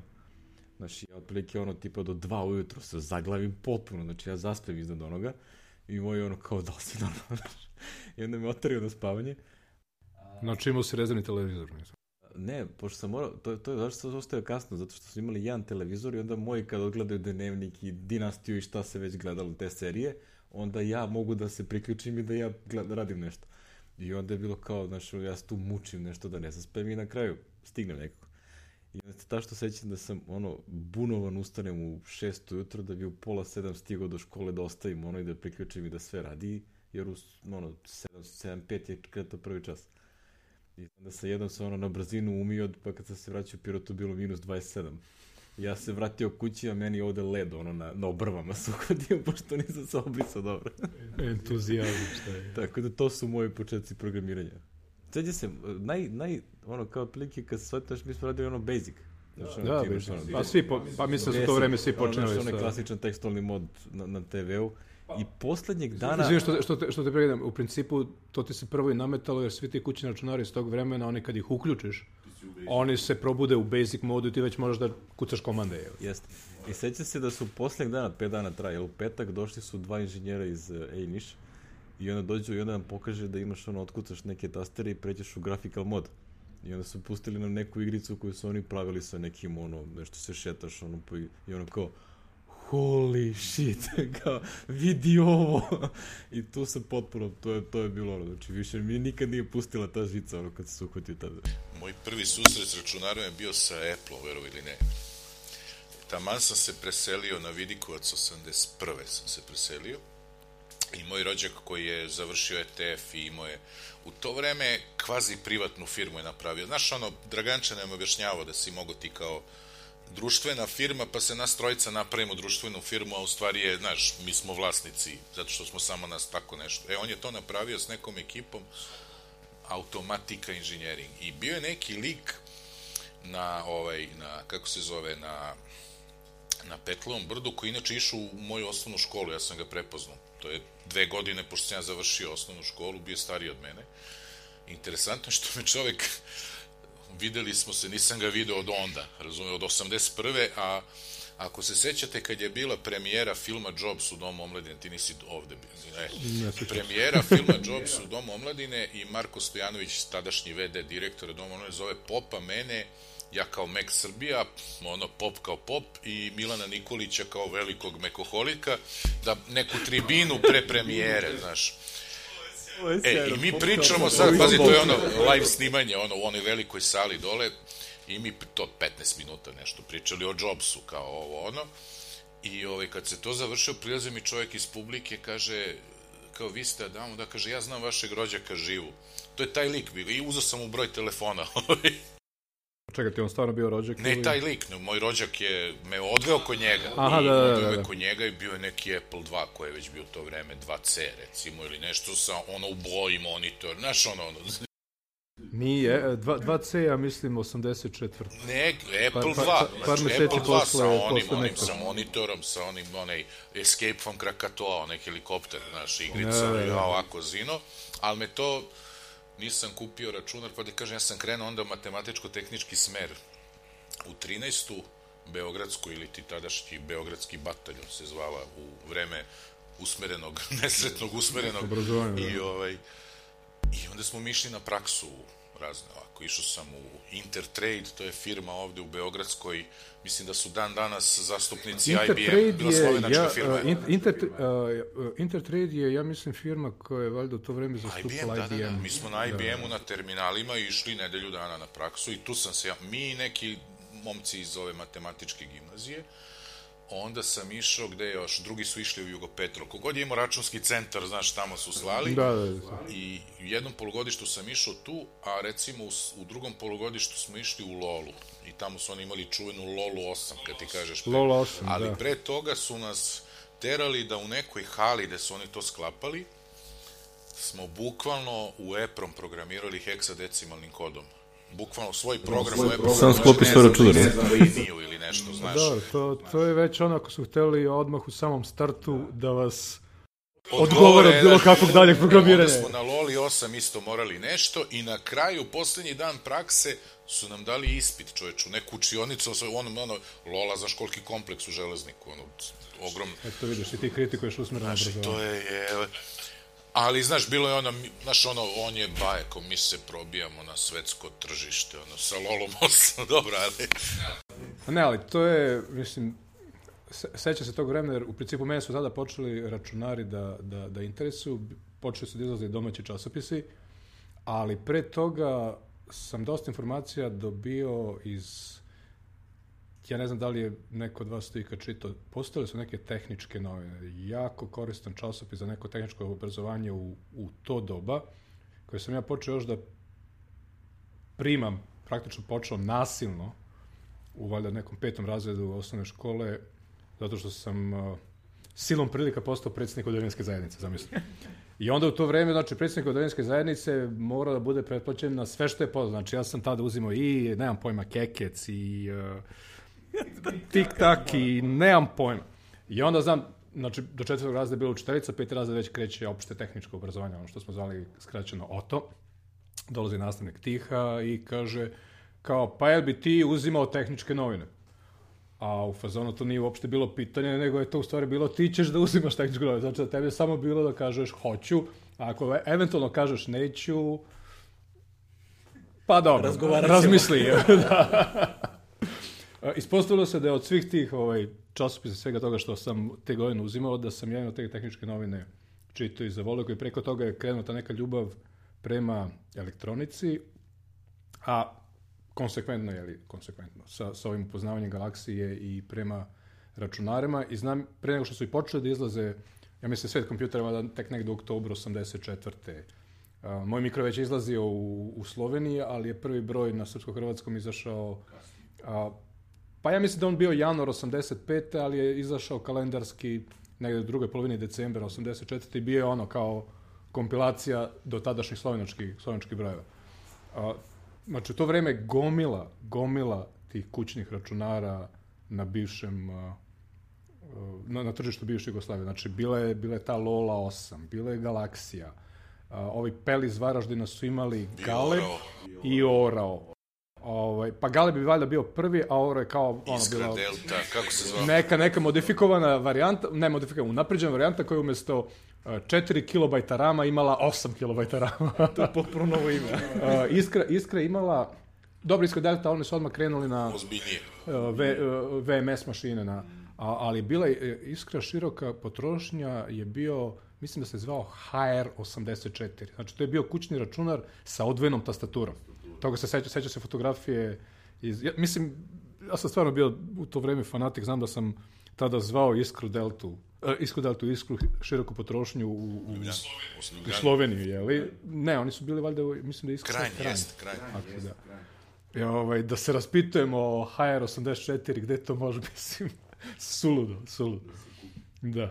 I, ovaj, gomila, e, bio je, bio je neki momak koji je napravio svoj računar hobistički, ja ne mogu mu se setim imena, pa se govorilo valjda da će neka beogradska firma da uđe u proizvodnju. Mislim da se zvala, uh, on, on ga je nazvao uh, ZR84 Jao, jest, jest. nešto. Taj momak u stvari pre toga čak napravio i, i neku, to sam isto čitao u tehničkim novinama, prvobitnu varijantu, a, računar koji je u to vreme bio, sam je sklopio, znači hobista, mo- momak ima u to vreme bio srednjoškolac, nemam pojma, ali veliki entuzijasta u vezi elektronike, računar koji je u to vreme bio bolji od ovog uh, ZX, ZX81. S tim što kad sam ja to pročitao tada o njemu, još me računari nisu toliko interesovali, pa mi je to čisto bilo kao nešto interesantno, ali nisam znao čemu to ZX81 s jednim kilobajtom. Sa jednim kilom. Da. Ali mogu se da prošliš na 16. Pa staviš, a assembler si stavljao u rem liniju basic. A, znaš, da, kad, Ja vi to opasna kad mašina. smo jeli moj komšija Dragan i ja pravili uh, tako program za, za ZX, ZX81 koji treba da, da iscrtava, pod, vo, kursorom i on crta ovaj, šta ti, ovaj, ka, kako, kuda ideš, da, i, ovaj, i naravno njegov ima samo 1 kilobajt uh, memorije i otko znam već 500 bajtova ili koliko je već bilo uh, popunjeno programom. I onda mi tako nešto crtamo u jednom trenutku neće više da, da crta zato što smo u principu popunili celu RAM memoriju smo, kako smo ovaj, Niste znali za ono dijalog. ja sam moj prvi računar Spectrum 48K odmah donao mi, pošto je li meni Ćale pilot, ali je već bio na desetki i on je išao u zemlje gde se nije prodavao Spectrum. U stvari, Spectrum se prodavao u Americi pod nazivom Timex 1000, to se već Timex pričao 1000, jedan da, to se rekao nije.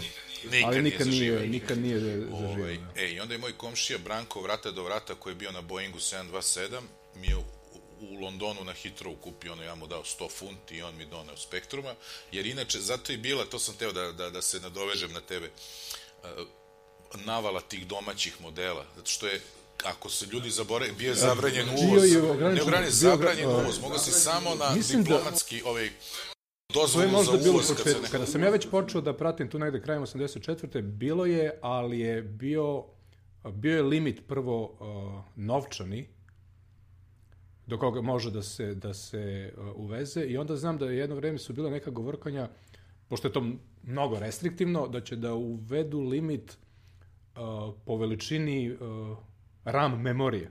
Da bi limit trebao da bude 64 kilobajta. Međutim, naravno, to nikad nije zaživilo, nego su svojevremeno, um, svojevremeno ovaj, postepeno povećavali novčane limite. Međutim, već, ja mislim, negde, ako se dobro sećam, mislim, pošto sam obično sa godinama vrlo dobro, zato ja stalno godine. Tu već negde krajem 85. početkom 86. mnoge firme su već krenule to da zastupaju, tako da to više nije bio uvoz, nego praktično su firme opet uvozile, ali legalno, naravno, bilo je to dosta skuplje, ja znam to negde sredinom 90, 85. valjda Commodore 64 košta 510 maraka ili, ili tako nešto što je za to Ja vreme bilo da ono sam, ja super sam krajem 80, decembra 86 pred Božić sam išao u London da kupim Atari. Ja sam umeđu vremena, znači januar 84. sam imao Spektruma i igrao sam se s njim pola godine. Misliš Atari jeste? Da, i onda sam 3. 8. 84. otišao na 15-mesečno letovanje u Pulu. I, na, i, na, i posle mi na Brione i kad sam se vratio upisao sam matematiku, jeli, i ono, imao sam spektrum, ali nisam se nešto prvo, volao sam da programiram, ali mi još nije bilo, a teo sam da naučim, ali onako ozbiljnije, znaš, i onda sam iskoristio priliku, rekao, šta ću, cele godine sam razmišljao, pošto smo imali, jeli, kao jatovo dete, imaš one takozvane servis karte, put do Londona nije bio skup automatski, i ja s Kevom odem. Sve to na račun Pa poreskog obveznika. verovatno ne znam na čije račun išlo, ali... ovaj, da kupim iPhone. I odem, o, odem u London i u Oxford Streetu Selfridges je imao na spra, ceo peti sprat je bio valjda elektronika i tu je Atari imao ćošak i ja dođem, reko, tražim popust, kao reko, ima sad neki božićni popust, on kaže, pa nemamo popust, ali vam, kao, on je bio inače 500 funti je koštao ovaj 1024 ST već se pojavio sa 1 megabajt a, rama i ovaj 100 funti monitor. Međutim, kaže, sad je 500 funti vam je jedno i drugo. Rekao, dajte, kupio i štampač i onda sam počeo da programiram i prvo na što sam otkrio, na što sam se oduševio kad sam video je bio GFA Basic. Znači, to je ono, to je, nije Basic sa linijama, znaš, onim, nego je Znam, sa, znam, linij, da, sa brojevima linija, nego praktično strukturirani Basic. Da. programski jezik, ne, izvršava se. A, u, u to vreme kada su ti 16-bitnici prvi krenuli, znam da je veliko razočarenje ili raz- razočaranje među mnogima bilo, zato što su ljudi navikli, ja ovaj, Basic mi je u Romu, znači ja ako programiram, programiram u Basicu i to je to, kad uključim računar, on je već u Basicu, mogu da krenem da, da, da kucam komande i tako dalje. I Basic je bio u ROMu, znači ne zauzima uopšte RAM memoriju. I znam da su bila ona kao velika uh, fama oko toga, ja, ovi 16-bitnici nisu ni za šta, zato što kad ga uključiš, pa hoćeš da programiraš u Basicu, prvo moraš da učitaš Basic, pa mi Basic zauzme toliko i toliko, ostane mi samo toliko i toliko slobodnog rama za program i tako dalje i, i tako dalje. Znam, sećam se u računarima u to vreme bila uh, neko veliko uh, tako, plju- u stvari to se provuklo kroz onu uh, Peek and Poke show.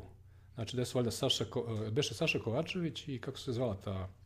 Emisija, Dru, dru, drugi, drugi, drugi je bio, nije emisija, to je bila rubrika. Drugi je bio, ne mogu setim imena, ali ja mislim da je bio suprug Jelene Rupnik. Aha, ovaj, Posle je bio baš ono, em, da kažem, eminentan, pa ne samo naš, nego mislim da je čak... sam ga pre neki dan ovde u Beogradu. Ali ne mogu setim. Mislim da se jedan zvao da Saša Kovačević, a znam na drugi... koga misliš, ne, Branko, Branko, Branko Đoković ili tako nešto. da, da, Đoković. da. Ili, ili tako nešto.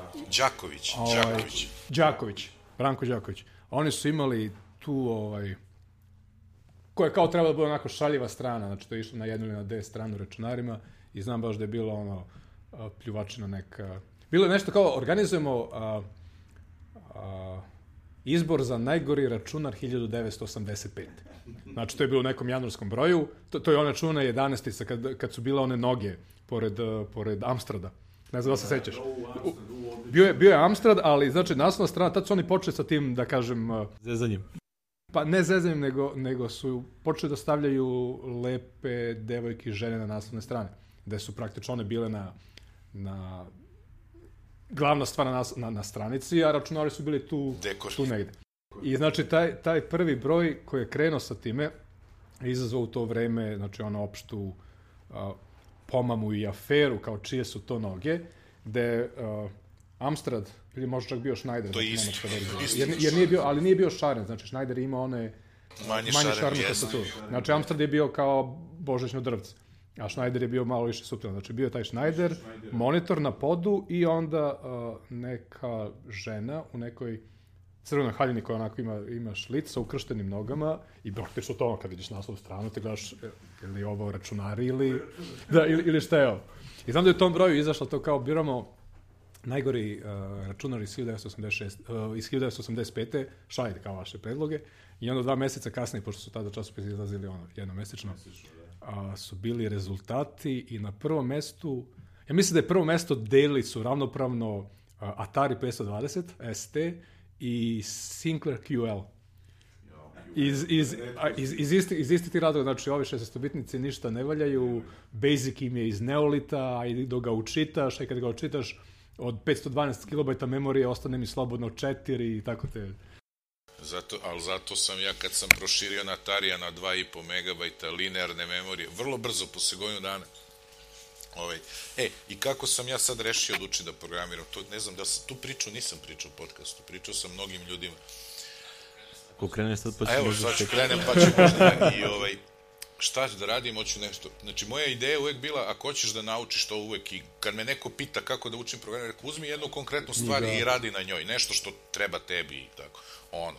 I ovaj, tako sam ja rekao, tih godina je izašao, ne znam, bilo je 75 godina Futbolskog saveza Jugoslavije. Ja sam kupio neki tempo. Ja sam počeo, koji je specijalni broj, da je čovek, neki novinar iz politike, ACA, ne znam kako, poznati novinar sportski, vodio statistiku. On, on je to verovatno čovjek rukom, pa ovo ono. Ja rekao, sad ću ja da napravim Kako ste, kako ste ti? Pa ono, ko je igra u reprezentaciji, A, golovi, o znaš, da, da, da, da, da. rezultati s kim i tako, znaš. Ja rekao, sad ću ja to da, i krenem ja.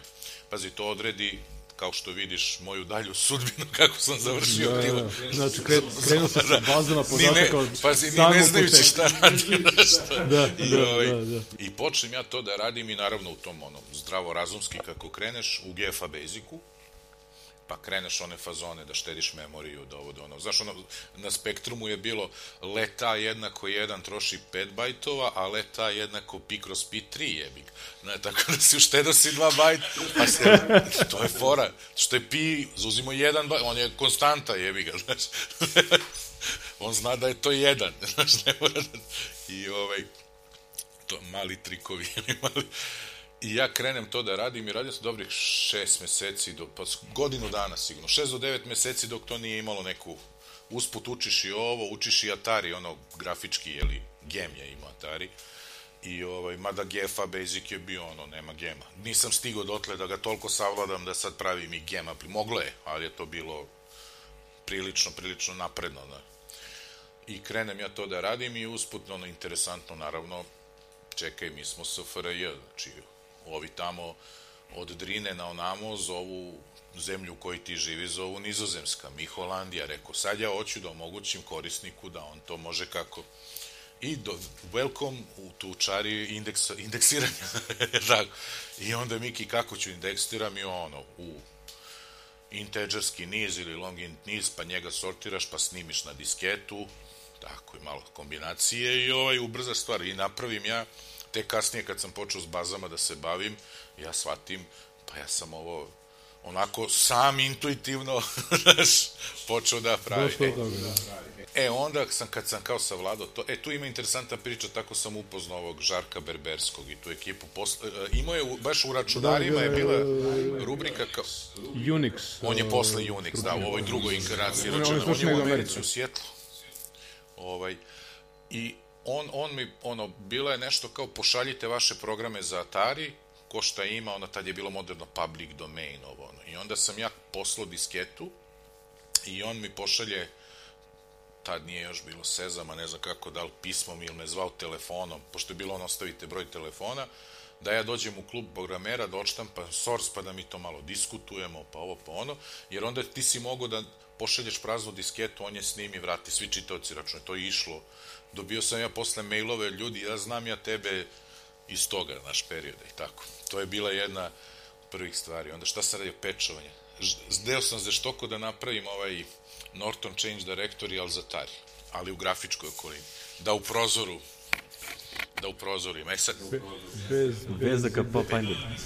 da, da, bez, bez ideje koliko, je- koliko Des, to rade. e, i, o, i kako se zove, i krenem ja to, i sad problem, gde on to drži, nemaš pojma, nemaš, nemaš API kakvi, šta će Miki da radi, Miki napravi programču koji skenira memoriju, ono, skroz, skroz da vidi, znači otvoriš prozor sa određenim patom i ovaj, tražiš taj pat negde i nađeš ga. I onda je on pošto je on mogao četiri prozora u isto vreme game da otvori, nije mogao više, i onda su bile fiksne one, fiksne memorijske lokacije Inverzni i inženjer. sine, Miki, gaće, to, i napravim ja to. I kao desktop, tako, time sam se... Imao sam problem veliki, Atari imao foru, da bi osvežio sadržaj prozora, pritisne se escape. Ovome. Nikako nisam mogao, to sam radio u CEU, sam radio taj, ovaj, kako se zove, tu, taj aksesor, desktop aksesori, ja ne znam kako da se to nazovemo, to danas ne postoji u ovim, i nikako nisam mogu uredim i dolazio je na klub programera, ja za se Peđa Predrag Kucinović, koji je bio mag za assembler. I on mi da rutinu u assembleru, ono koji sam ja polinkovao zajedno i samo je tako radilo. Znači ja kad pokušavam da pošaljem escape iz CA ili bilo čega, ne može samo to, pozovem tu njegovu rutinu assemblersku i bilo je. Tako da sam se bavio malo pathfinderisanjem, a taj... to je bilo. E, onda sam otkrio drugi jezik. Ste poliglote, modulu 2, zna neko, zna neko. Ja, u modulu 2, pa mislim čuo sam modulu 2 i ADU. I, Mislim, ali Pascal nisam. sam već znao, ono, i u školi smo učili Pascal i Fortran, pa to sam znao, ali... Pascal čisto zato što u, u jednom određenom trenutku tokom studija su svi, bez obzira na smer, jer ja sam bio mikroelektronika, znači ne baš neke veze sa ra računarem, nego više hardware, ali je postao neki predmet koji se, ja ne, sad i ne znam kako se zove, mislim da se zvalo programiranje, tako nešto, gde je bio podeljen u dvosemestralni predmet, ali je bio podeljen u, više delova i ja mislim da je drugi deo bio Pascal, ne, lažem. Ovaj, drugi deo bio C, tad su promenili, umjesto Pascala su počeli stavljati C kao jezik, jeli, budućnosti, šta ti ja znam. Mislim, ne budućnosti, nego koji se najviše koristi. A treći deo je još uvijek bio Fortran, Fortran 77. Ne znam iz kog razloga. zato Što priča sve mi poznato. da. Ali, naravno, ja sam krenuo sa, sa, sa Basicom, ali nekako vrlo brzo sam, ne da kažem prevazišao Basic, nego kada sam čuo za Assembler i probao Assembler, uh, me se to onako činilo da je to nešto uh, kao super, o, o, znaš, ovo je kao kako u stvari treba da, da, da se radi, znači ti stvarno stvar. gađaš procesorske registri i tako dalje. I to je išlo bez neke praktične, praktično primjene, praktične, praktično primjene ovaj, na, na spektrumu a, loaderi, znači programi koji učitavaju druge programe. Prakti, a, ja mislim u to vreme postala čak i neka scena i ovde u bivšoj Jugoslaviji, bar u Srbiji, čiji ja član nisam bio jer sam ja bio malo jeli, dislociran pa nisam ni dolazio često u Beograd i tako dalje, a verovatno ne bih. Komunikacije tada nisu postale kao sada, ti sa nekim komuniciraš šta ja znam, mailom ili internet jednostavno znam, ono, kao ozebo sunce, čekam početak svakog meseca da izađe ta tri časopisa, ali bio je moj mikro, svet kompjutera i računari, onda ih pročitaš za tri dana, sva tri, onda mesec dana čekaš Stigne, da. informacije. Ali i izlazi, ja mislim, u svet kompjutera u to vreme čak i serija tekstova kako napraviti različite, različite ladere i to je išlo čak dotle da Spektrum ima onaj border, znači na koji ništa nije moglo, međutim ukoliko si već savladao mašinac dovoljno dobro i provoliš koje memorijske a, a, lokacije dodeljene RAM memoriji da, da gađaš, ti si mogao da pišeš ili da crtaš i po tom borderu. Onda, to se na kraju svelo da, da praviš lader koji praktično igra za sebe. Znači ti dok čekaš da se učita igra koju ćeš da igraš, ti već možeš da igraš. Naravno, te igre su jednostavno tipa ono Pong ili šta ti ja znam, ali i to je mene onako držalo sve do... I dugo sam i na, ostao na tom spektrumu iz praktično dva razloga. Jedan je što finanska situacija u tom vremenu nije nešto dozvoljavala da, da pređem neku jaču mašinu, tako sam ja prvi neki 16-bitnik koji je bila Amiga 600. Kupio tek negde valjda početkom 93. Da, da, 600.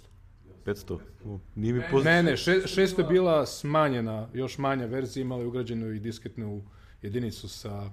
Znači, kao, da kažem, 500 manja jedno...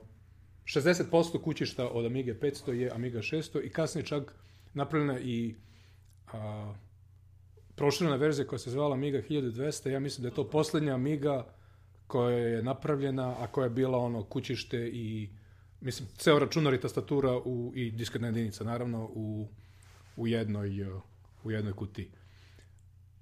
A, ali to je bio jedan razlog. Drugi razlog zato što već preko srednje škole a, u teškoj školi u Kostovcu sam počeo da se upoznam sa PC-em, bila je neka PC sekcija se tako zvalo. Znači, pre podnu školu, popodne odeš, bilo je nekih desetak a, PC računara I tu sam se prvi put sreo sa ceom. Mislim da je bio Borland. Borland ili Znači, to je neki kraj 1987. Turbo C sad, preimenovan posle Borland C, tako? To je to. Verovatno, verovatno, ali ne mogu da... Bio je Turbo C i na Atari. da, da se setim. A jedno vreme sam bio ovaj, zaluđen a, takozvani core war. Ja ne znam da li si a, čuo za to, ali postoje cijela jedna disciplina gde a, dva programa vode rat u memoriji. Znači, imaš praktično program koji čitaš u PC, to vreme sam ja to radio na, na, na- PC-u, koji simulu, simulira a, određeni memorijski prostor od recimo, ajde da kažemo, 10.000 memorijskih lokacija, nečega, nije bitno koliko su one velike, i koja je ciklična, znači ide od 0 do 999 i onda posle 999 opet dolazi 0, znači kao da je vezano u krug. I postoje skup naredbi koje čine jedan program. Te naredbe su napravljene tako da si mogu sa njima da radiš jedan određeni uh, ograničeni skup stvari, ali ono što je najinteresantnije bilo, bile su naredbe kojim jednostavno gađaš neku određenu memorijsku lokaciju u tom rasponu od 0 do 999, a bile su naredbe koje su omogućavale da ono što je trenutno na jednoj memorijskoj lokaciji, da se prebaci na neku drugu. I ono što recimo postojali, cilj, cilj programa jeste da tvoj program recimo napraviš program koji je recimo veliki, ajde da kažemo 15 memorijskih lokacija, ali on ima takve komande da ti onda njemu možeš da kažeš tu i tu memorijsku lokaciju. Prebaci tamo, a onda sledeću prebaci ispod, tako da ono što si ti u stvari mogu da radiš, mogu si svoj program da dislociraš u toj memoriji. Znači, tvoj program od 15, da kažem, memorijske lokacije, recimo na lokaciji od 100 do 114, i onda se ti izvršavajući taj program, mogao da ga prebaciš na lokaciju od 900 do 914. I onda ovo više nije na ovoj, nego na drugoj lokaciji. I naravno, mogu si nekim naredbama da gađaš random lokaciju, da je upišeš ono, nulu ili, ili šta god hoćeš. Brate, ba, buffer postale- overflow za ovo majka Mara, mislim. Či- čitav, čitavo, čitava koncepcija je bila da se takva dva programa o, učitaju. Oni se učitaju negde slučajno u toj memoriji, cikličnoj, a, gde ti ne znaš da su oni, ali naravno, ceo taj simulator, on a, se stara da oni se ne preklapaju. I onda ta dva programa ratuju. I cilj je da ti upucaš memorijsku lokaciju drugog programa, bilo tako što ćeš da pucaš ono slučajno pa da ga pogodiš, bilo što ćeš eventualno svojim prebacivanjem da jednostavno uđeš u taj drugi program. I onda su postale dve, da kažem dva ekstremno tipska programa. Jedan je bio koji će sebe što brže da replicira i praktično stalno da trči po memoriji vrlo brzo. Ti programi su mogu da budu kratki, samo recimo 3-4 memorijske lokacije, ali stalno tako trči sa nadom da će u jednom trenutku da nagazi na onaj drugi. A bili su recimo programi koji su isto tako bili kratki, ali on nije sebe ovaj pomerao. Znači on je staje u mestu, ali sve što je radio samo je napucavao ovaj slučajno, naravno pazeći pri tome da ne napuca samog sebe, uz nadu da će u jednom trenutku da ubode onaj drugi. Međutim, odbrana mu nije nekakva jer se ne, ne pomeru u memoriji. I naravno onda je postala cela ovaj, kategorija ovaj, programa koji su se malo pomerali, malo pucali, malo pomerali i tako dalje, međutim, kako se program usložnjava, on postaje sve duži i duži i onda se praktično i veća Više šanse da lakše te, da, veća je verovatnoća da ćeš i ti biti upucan. I to mene toliko kupi, ja mislim da to mene držao neki godinu, godinu i po dana, ono, kako napraviti a, a, najmanji, najmanji ovaj, da kažem, program, ali koji će biti efikasan u obe te operacije. Postoje čak tekst uh, u računarima, ja mislim da je izašao negde 87. ili 88. o, o tome. Ovaj, I to je možda bilo par meseci nakon što sam ja saznao za, za čitavu tu priču i za... I onda je meni bilo ono, aha, sad ću znači učitam jedan program, učitam drugi program, i da vidim sad koji je bolji, da li ovaj, da li onaj, zašto je ovaj bolji, mislim, pa onda na papiru, tabele, šta je ovaj uradio, šta je ovaj, mislim, praktično ono, takmičenje programa je. Ovo je sjajno. Ja, ja nisam imao tego, ja sam ono, ja sam kupio posle ovog pekoma, ja sam kući imao Amigu 500. I to je bilo muka živa, znači bilo šta da ti možeš na njemu da radiš. Znam da je kompjuter biblioteka iz Čačka izdala ovaj, ono, basic za Amiga 500 i to mi je bila Biblija. Da, i onda se ja po tome nešto radio Čačko, ali ti znaš, nisi tu imao nešto mnogo da uradiš. I vrlo brzo posle toga je ova, a, kako se zove, a, pilotska gimnazija dobila 10 286-ica. Tigar je kupio 10.26 i onda smo svi prešli, ono, znači kao ostalo za igrice, ali svi su programirali, ono, naša ekipa koja se tim bavila, svi su bili na PC-u, znači i onda je bilo to, znaš, ono, ti dođeš, na, ne znam, ujutru u šest, pre časova, pa onda sačekaš da svi prođu časovi, pa onda uveč u sedam, pošto mi koji smo bili bolji, pogotovo moj kum koji je bio super, ovaj, se, ono, još je bio sjajan programer, ono, on je bio ubedljivo najbolji od svih nas. Teći se da je napravio u Herkulesu, ono, znači sve ono, assembler i C, napravio je simulaciju onih poker aparata, koji razliku od ovih poker aparata, ovo njegove je bilo totalno random. Znači ono, kad gađaš manja veća, ali ono, kako je uradio iscrtavanje karti, uh, detalji na onim kartama, znači savršeno izgledalo. Znači ono, baš je bila strava. Tako da to, to nam je bila glavna zanimacija cela srednja škola. I si roka i...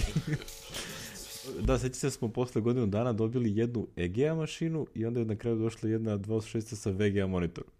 To je bio holy grail. 640 puta 480. U 16 boja. 16 boja, o, wow. Imali smo 256. Šta? 256 boja smo imali. 256 boja. EGA je bila, EGA je bila bez 16. Uh, VGA, Da, ali njega je valjda imali manju rezoluciju. manju rezoluciju, a VGA je imalo full 256 boja. A, 256 Sećam se boja. kad si igrao Commander Keen 4 na, na, na VGA, pa to je bilo ono, znaš, kao otkrivenje totalno. kao, ovo- kao, ovo je mu skoro bolje od Amigi. Ovaj, na CI ona ugrađena grafika je mogla a, mislim, 256 nijansi sive i 16 boja, tako nešto. Ili je mogla 256 boja, nego si monitor imao takav.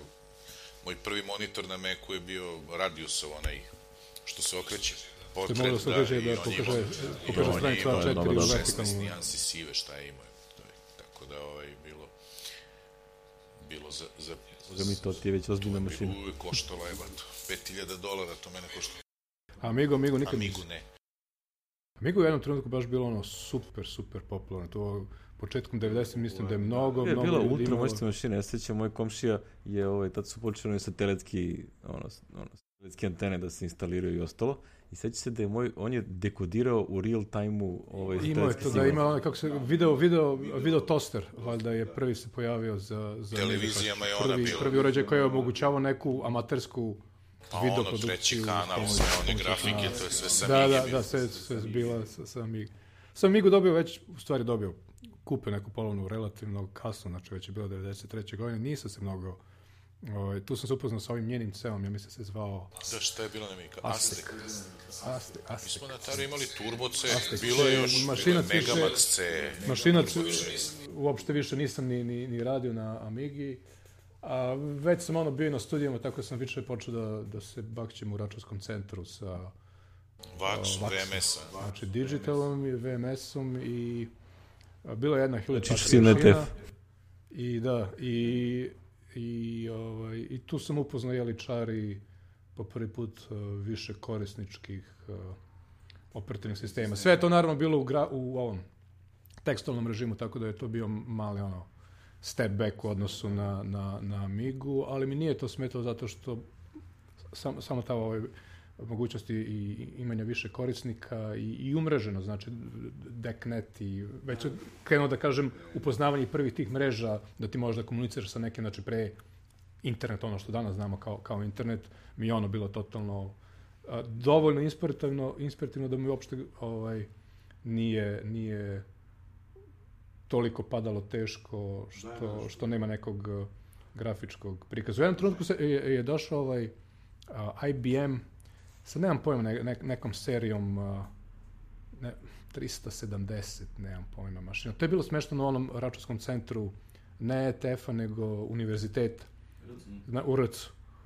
U RUC, tamo gde, tamo gde je kasnije smeštena i ova Afrodita, znači prvi računar koji je izašao na... Sećate, Na na svetski- je na dobio, Rucuk je u stvari na, uh, celu jednu učionicu na terminalima za tu Pa, bilo je pola-pola, znači... Uh, uh, uh, to je bilo ono što smo zvali, ja mislim, terminalska ili računarska učionica, da. učionica, ne znam tačno.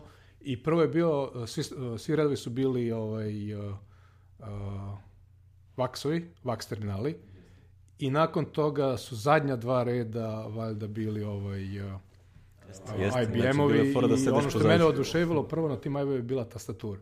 Znači, M. prva, prva klik tastatura koju sam ja osjetio, ali to je bilo neverovatno, mislim, ja sam kuca na toj tastaturi sigurno skoro dva puta brže nego na bilo kojoj tastaturi, tastaturi pre toga. I onda sam pokušao da, da kažem da, da zavolim i PC, ali mi jednostavno nije, Nije ti se dalo. nije išlo. I probao sam da programiram čisto iz hobija kao i sve do tada. Uh, mislim, već se vidio da je Windows budućnost, mada je to, ja mislim, već negde 95. Znači, Windows 95 samo što nije izašao, tako da je još uvijek bio Windows 3.1, tako da ti probudiš računar u uh, DOS, modu i onda moraš da kucaš Win da bi se Windows podigao. I probao sam da, da pravim i programe za... Da probam nešto napravim pod, pod Windowsom, naravno u C-u. A, tada još nisu postojale ove micro, MFC, micro, Microsoft Foundation Classes i, i sve ono što je, što je nastalo u C++-u, nego si morao direktno da koristiš onaj, ja mislim se zvao GDI, GDI, Graphical Display Interface ili tako To nešto. se pečovalo nešto I to je bilo stravično komplikovano. To je bilo stravično komplikovano. Stravično komplikovano da je to meni, mislim, i pre sam imao prilike da radim komplikovane stvari, ali mi je bilo totalno nesrazmerno da nešto bude toliko komplikovano da bi ja prikazao najobičniji prozor sa svim onim kontrolama da se minimizuje, da se ugasi i tako dalje, na kome će da piše, da piše Hello World. I negde u to vreme ovaj, moj pa, prijatelj, poznanik Marko Miljković, ja, valjda, on isto čovjek završio u Americi posle studiju, u stvari još za vreme studija sam izgubio kontakt sa njim. Ja ne znam na koji način je on došao do toga, ali on je imao a, Next, Next Station Turbo. Mislim, naravno, to je, to je kupio polovno, Što god. u principu to je uh, kraj 95. početak uh, 96. znači par meseci pre nego što će Next da postane Apple. Decembar i to- 96. I to je, to je praktično dve godine nakon što je Next prestao da pravi pravi računari, jer negde krajem, krajem, 2000, uh, krajem 93. je Next Computer postao Next Software. Znači, samo su se bazirali na, na operativni sistem i kasnije na ovaj Web Objects, znači praktično prvi, prvi CM, CMS ako, i, i, i web baza podataka i, da kažem, alat za, dinam, za pravljanje dinamičkih web stranica je pre toga sve bilo ono krajnje statički HTML i, i, i, i to je to. I on je meni pokazao, ovaj, naravno za nek sam čuo, ja mislim prvi put još iz sveta kompjutera ili mog mikra tamo krajem 80. kad je Steve Jobs to, to predstavio u San Francisco. I naravno čuješ ti kao objektno orijentisan uh, user interface, i ovo, ali nemaš ti sad mnogo ideja šta je to dok, dok, to, naravno, dok to naravno ne probaš. I onda je on meni uh, pokazao uh, pravljenje aplikacije na Nextu, što se manje više svelo na onaj video koji je posle kružio internetom Steve Jobs koji je držao prezentaciju ono uh, tome. attachment u mailu i tako dalje, taj video je negde napravljen ja mislim 93. ili 94. Meni je Marko to pokazao ne znajući za taj video i nije on meni naravno pokazao, tamo Steve Jobs pravi neku aplikaciju a, koja ima jednostavnu tablu, povezuje se na bazu podataka, iz baze podataka vuče a, podatke koje će prikazati u tabeli, možeš u tabeli da edituješ, to automatski ide u bazu podataka i tako dalje. A, Marko meni pokazao nešto slično s tim što se on nije povezivao ni na kakvu a, bazu podataka, nego je jednostavno imao skup nekih podataka koje je popunjavao u tabeli i tako dalje. Međutim, ono što mene, tad su bila dva odvojena programa, u stvari tako je već bilo i na početku na Macu.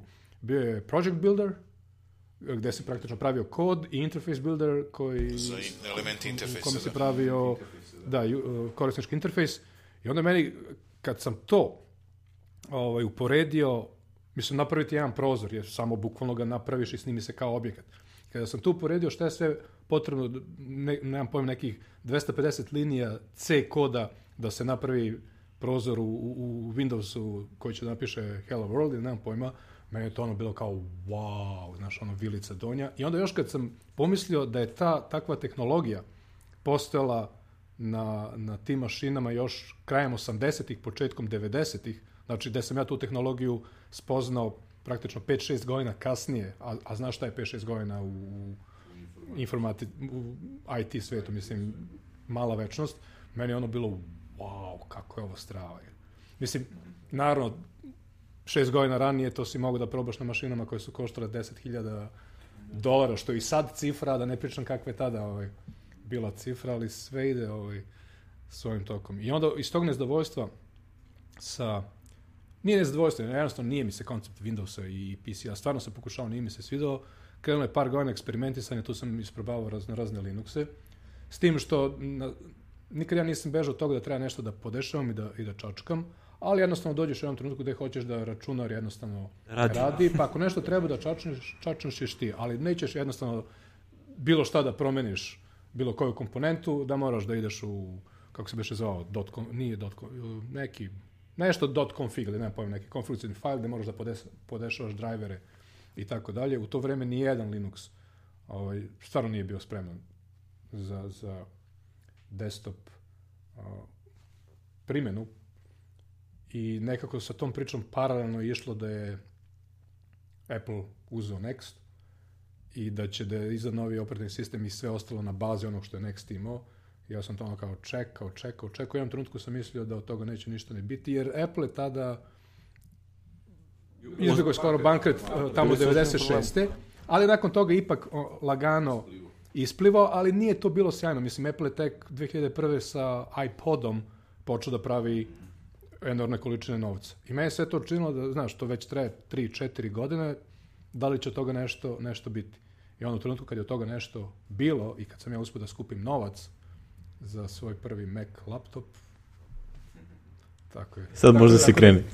Da, da. Tako da prvi u principu alat koji sam koristio na, na Macu je odmah bio ono, objeknice i, i sve to. Znači nisam imao programerske Sa klasikom, e, pre to sam ja teo temu da, ne, znači, ne. protrčat ćemo, pa ja sam se malo bavio time. Ali, izvini što prekidam, ali mislim ono što sam imao prilike da vidim da je bilo komplikovano, isto kao to pravljenje a, a, prozora u, u Windowsu bez kasnijih eh, MFC-a i ostalih alata. Pa bilo je, bilo Znači je. da je bio... Ja sam gledao, ja sam imao Peđa Milin koji nikako da nam dođe da bude gost, mi planiramo jednu epizodu. Znaš ti Peđu Milin?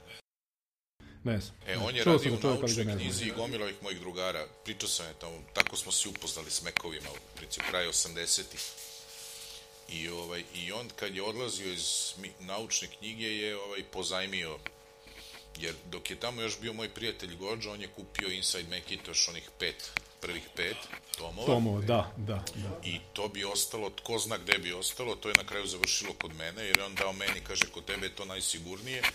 I eno kod mene u spavaćoj sobi na polici ne dajem nikom, znači to je suvenir onaj, ja sam to krenuo da listam, 20 godina su odbio pazi, na nemam Meka, emuliram ga nešto na, na, na Atariju i čitam ono, listam i znaš ono, kad čitaš ono kao pozive API, ono paskaloidni, ono, paskaloidne funkcije paskalske su bile, jer inače operativni sistem Mekov je do sistema 7 pisan u Pascalu. Bio, Znaš, da, ono, Pascalu. Objektni Pascal su, i delovi u assembleru. Ti znaš da je, da je čak i u OS X-u, ovaj, dok nije sve počelo da se da prelazi na kokoa, do, dosta je starog koda bilo, e, na primjer taj file manager, file manager API, koji, evo jedan, koji još uvijek koristi Pathfinder, on je, taj, taj API je deprecated tek od Mountain, Mountain Liona, ali da ga zamenimo to puno, puno, puno treba se zameni.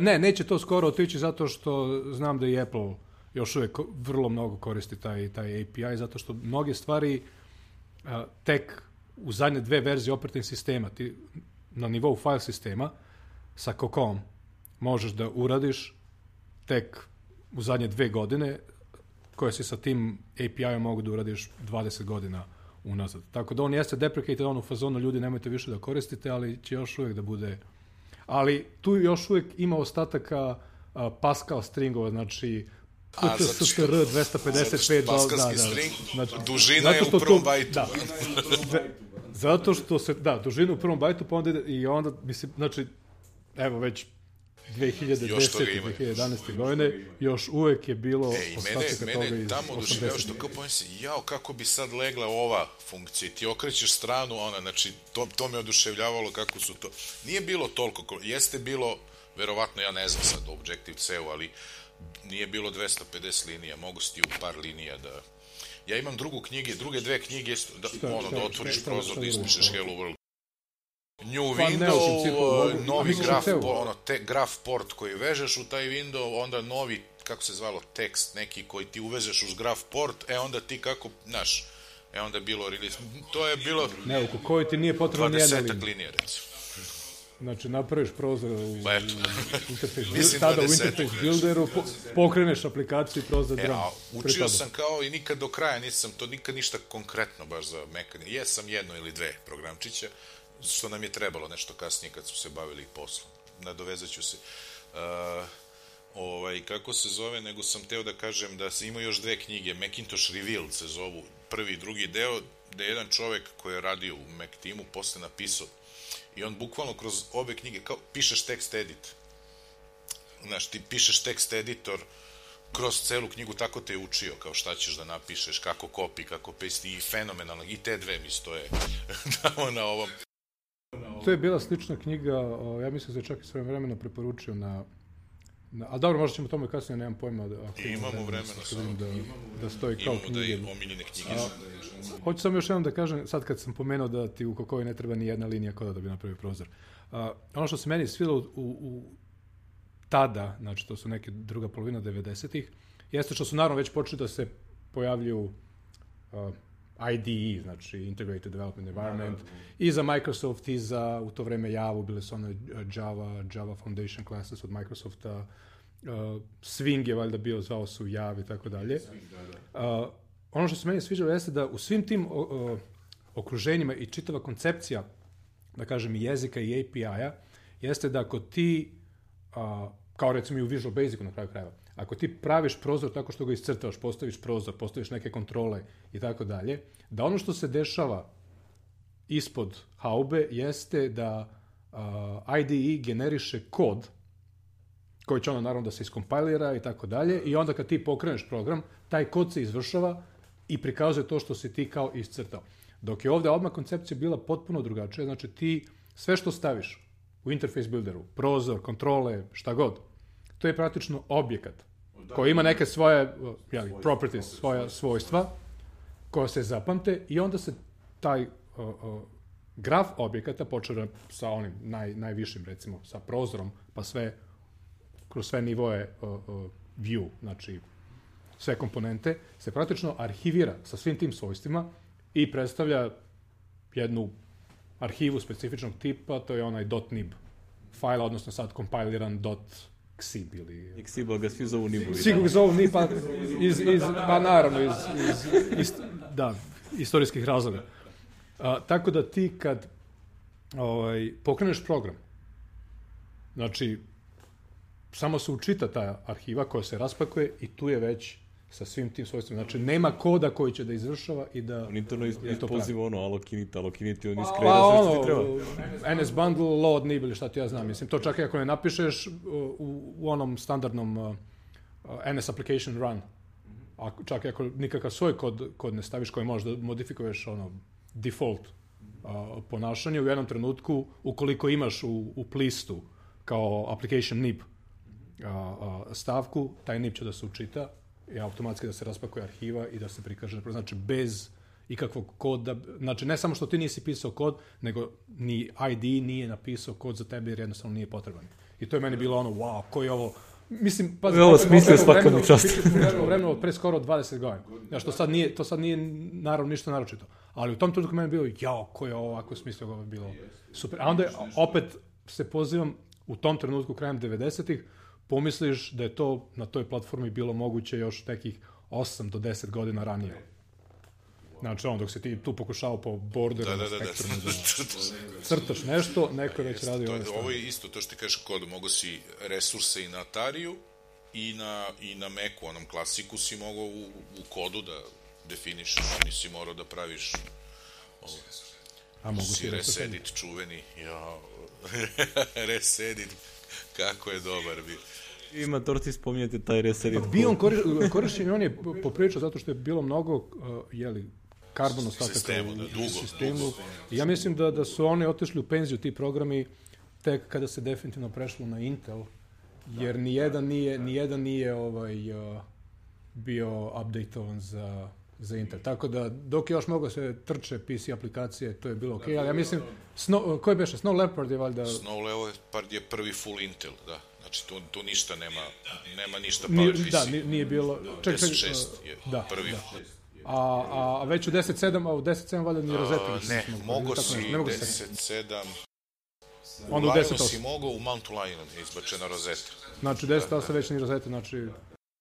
Ja sećam, ja sam, moj prvi Mac je kupljen uh, kad je izašao ono prvi, praktično, ono Intel, 15-ica i Stone Leopard. To je 2006. 2006. 6. 7. 2006. 2006. u januar, u januar je... 2007. je izašao i na, u... Ne, ne, ne, izvini, 2006. u januaru je izašao. Izvini što te pregledam. Obično sam dobar sa Pa godinama. da, E, Znaš, znaš po čemu znam? Znam zato što sam ja gledao da zamenim moj tadašnji a, beli iBook G3. I bilo je već, to je bilo o, 2005. Sredinom 2005. Apple je najavio da će da prelazi na, na Intel, ali kao da ima još puno PC proizvoda u pipeline koji, uh, Power PC proizvoda u pipeline koji će, koji će da izađu. I ja znam da sam krajem te godine hteo da, da kupim novi, uh, trebao mi je jači, jači uh, laptop. Uh, I mislio sam da je Intel daleko još bar godinu dana. I razmišljao sam da, da kupim uh, PowerPC G4, pošto je tada već bilo jasno da od G5-ice nikad ništa neće biti. Da. I onda Apple napravio neku seriju gde je izdao ekran sa povećanom rezolucijom sa kojom su mnogi imali problema. Žestoki problema. A, to je čak bilo i ono šuškanju, mislim, šuškanju ekrana. Znači, ekran koji, koji jednostavno šušti. Posebno ako mišem dođeš u donji deo ekrana. Mi- Mislim, ludilo. I to nije moglo da se, to je bio neki hardverski problem, nije moglo da se ispravi ni, ni, ni nekim firmware updateom, ničem, ničem. I onda sam ja samo zbog toga odustao da, da kupim tu seriju i rekao, ajde vidjet ću da kupim sledeću. I onda sledeće je bilo u, negde, ja mislim, vrlo brzo. Tako da je Apple se tu pokrio, što je vrlo brzo to, tu seriju zanemario. E sad oni koji su je kupili, da li su imali neki program ili nisu, ko to zna. Ali znam da je u januaru izašao prvi MacBook Pro sa Intelom. I ja sam ono, wow, nisam očekivao ovako brzo i pomislio sam da sam kupio, da je ova serija kojim slučajem bila dobra i da sam kupio, ne da bih se prevario, jer praktično mesec dana kasnije... Ja tracker ovde, ajde, ajde vi pričajte. Ja mislim, ja mislim da, mislim, uh, siguran sam poprilično da je bilo u januaru 2006. Ali proveri. da 2006. Čekaj, da nisu oni tad najavili ili to bilo... Ne, ne, ne, oni su najavili na uh, VVDC-u uh, u, u junu Davali su onaj 2005. G- buđene G4, u stvari sa Intel, na one developer, Da, bio je developer. developer A, da, kit bio neki zvalo, Pentium 3, to je bila da, developer G4 kit sa Intelovim procesorom. Mislim, u kući što od G4, Mislim, G, Da, G, da. G4 kuću. Ove, bilo je, ja sam, ja sam tad, o, ja sam, moj, mislim, moj početak ono programiranja nekog ozbiljnog poslovnog je bio u webu. Znači ja sam ono, otišao na ETF i to je bilo, kad smo mi dobili pristup, ono, šta će se da na ETF-u je bio onaj Galeb.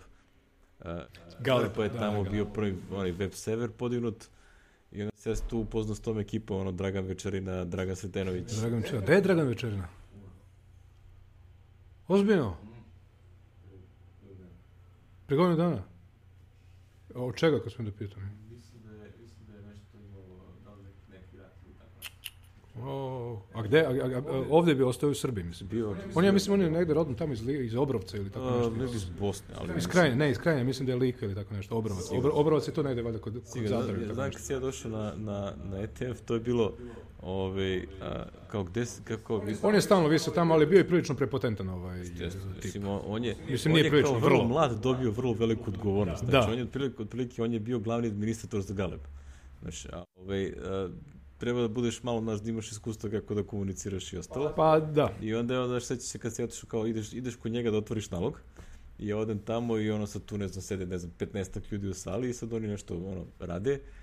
I ovaj on kaže kao uf, zagušena mašina sad će ono kao super user nešto tamo ono Da, i uzme sve ove pobjede, svoj da, proces podigne ono kao na, ve, na znatno veći nivo i onda može da radi kao naš ovi ostali kao evo te šta su sporilo sad ali ne veze mislim.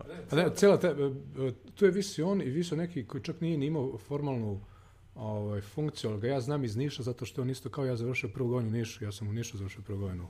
Tako, A, zvali su ga, u stvari on je valjda sam sebi tako prozvao Alf.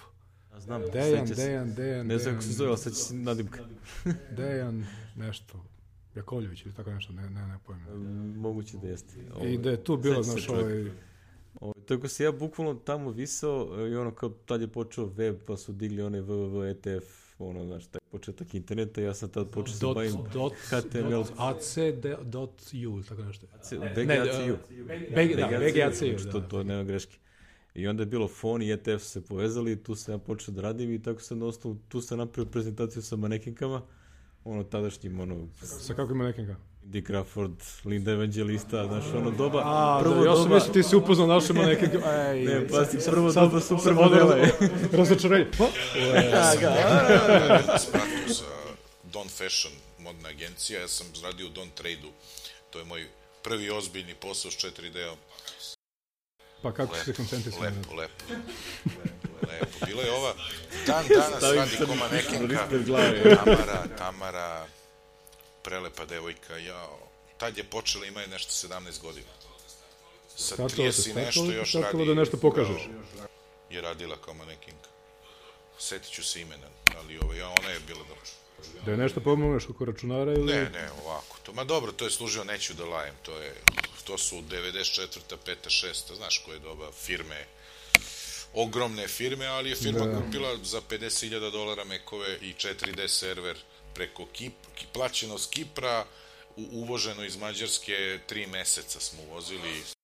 Klasična dobro, doba zato se- Pod sankcijama, pa da. To je moje prvo, inače se da za to- 4D-om, ali to sam rekao neko upozno 91. Dotle sam se bakto na Meku sa Tingceom. Napisao sam program, kad smo osnovali firmu tog prvog Meka, kad smo kupili, jeli? Firma se bavi Bilo nekako, 90, uh, pr- ne, bio kvadrovi, je tako 2 CI. 2 CI, još kvadre nisu 2CI. bile. Kvadre dolaze tek dve godine, da, Krajem godinu i 91.. nešto kasnije. Pa čekaj, ti si 89. Kvadre? Ne, kad si prvi- 91. prvi dobio prvog. Ovaj, baš svog. I os, to mi je bio kao osnivački kapital u toj firmi. Čekaj, CI to je bio onaj onako... Što, što, je- što je bio skoro kao Ne, kocka, ne, ne, ali nije imao te visine, ali što... Recimo, ovako je bio debel ko ova kutija, visok. Ovako, Sad nam eno ga, treba pa ne video treba video, eno, što dvojica pokazuju Mihajlovo rukama. Kod, kod, jeli, kod popa, eno, eno je tamo, ta mašina baš. E, pokušam da se setim Baš je iz- Evo imao, inače ovo si u pravu, MacBook Pro januar 2006. Do maja, u maju su ga zamenili sa jačim modelom. Bio je Core, Core Duo, je, Core, Da, ali, ali, prvi, ali prvi izaš, da, Cordu je i bio. onda je u februaru Mini, sledeći, Pa nemam pojma zašto, ali ob- obično tako sa, sa, Se kupio Core Događajem, 2 Duo, taj e, kupio kad je izašao. Sa, sa godinama e, sam o, vrlo dobar. ne znam iz kog razloga. učio sam i Pascal na Macu i sve sam pokušavao, čak sam tražio i modula 2 kompajlere, ono, pošto sam kao, kao znao svašta sam pokušao, međutim, taj Think C je nekako bio najpopularniji. E, to je kasnije, ja mislim se zvalo Symantec je to kupio, pa je to postalo Symantec C i Symantec C++ dalje. I u njemu sam napisao možda dva, tri programčeta, zezo sam se ono, bin hexovo sam, na što ćeš ti znati, iz priče koje ćemo dalje da pravio sam Unbix, ANRJ portovo source, da mogu da, jer mi ni jedan nije bio ono, znaš, ovaj, e, a napravio se jedno ono, in, samo svoje programče, e, mi smo se bavili ono kao grafikom, DTP-om, i ovaj, radili smo neke poslove i to je vreme kad je, šta da ti kažem, vreme se štampalo s naš, fontovima koje smo mi buđili i sistem koji smo mi napravili dosta dugo, do pre, recimo, deseta godina. Od te 91. kad su prestali, o tome smo pričali, Čekaj, kad je vreme uh, počelo? oni slave Ne, 25 godina sada. Upravo sad, slave od oktobra Pa da, 90, pa da, znači 90, 90, da. E, a oni su plaćali silne pare applicationu tadašnjem Apple, kako se to zvalo, tad se to zvalo Apple, Apple Centar se to zvalo. Znaš, u, u, Sava centru, tamo je Pop radio, tamo je Pop počeo da radi. Mi smo se tamo upoznali. Ja u, u principu znam da je bio Velebit, posle toga taj Velebit, je valjda 90. preimenovan u Ne, Apple nije preimenovan, adres, ne, ne, ne, adres, ne, ne. ili bila druga Ljudi firma, ali to je već bio ono kraj, radili su napravili isto svoju društvenu firmu koja je po, ali to je već bio ono raspad zemlje i znam da je onda u jedno pa vreme nije bili su praktično- zabranjeni. Imamo, imamo mi u Apple, Apple, ne, ne, Apple je bio kao malta ne bez, bez uh, Pa nešto, pojavila se Verovatno- je tada krenuo taj application je bio, njima su Zagrebčani ACS dao da budu Apple centar u Srbiji, Beogradski zvan, to je sve zvanično bilo. Ovaj, I Pop je radio tamo kao serviser, tako je počela njegova Kako je počelo? kako se zove i ovaj šta te e i oni su vreme se kod njih i prelamalo i to za silne pare mes, mesečno za četiri broja i oni su ljudi hteli da uštede tad je već na Windows 3.11 bio bio je PageMaker i mi smo im namestili praktično ceo taj sistem sa sve fontovima koji su funkcionisali e sve u svemu trebala je konverzija fonta na file nivou PostScript fonta sad zaboravio sam, možda ću pomešati, ali recimo na Unixu je font bio praktično tekstualni fajl. Jesu to heksadecimalne cifre, ali mogu si da otvoriš tekst editorom i da delove vidiš ovako. Na PC-u je bio, nešto je bio PostScript kod, klasičan u tekstu, a nešto je bilo enkodirano opet heksadecimalni, pretpostavljam onaj UN kod ili nešto. Ovaj, a na Macu je bilo isto kao na Unixu, samo što si svaki taj binarno bacao u, u određeni RSRC određenog tipa, koji je bio maksimalno recimo 2048 bajtova, tako da si mogu da ga cepaš na, na delove.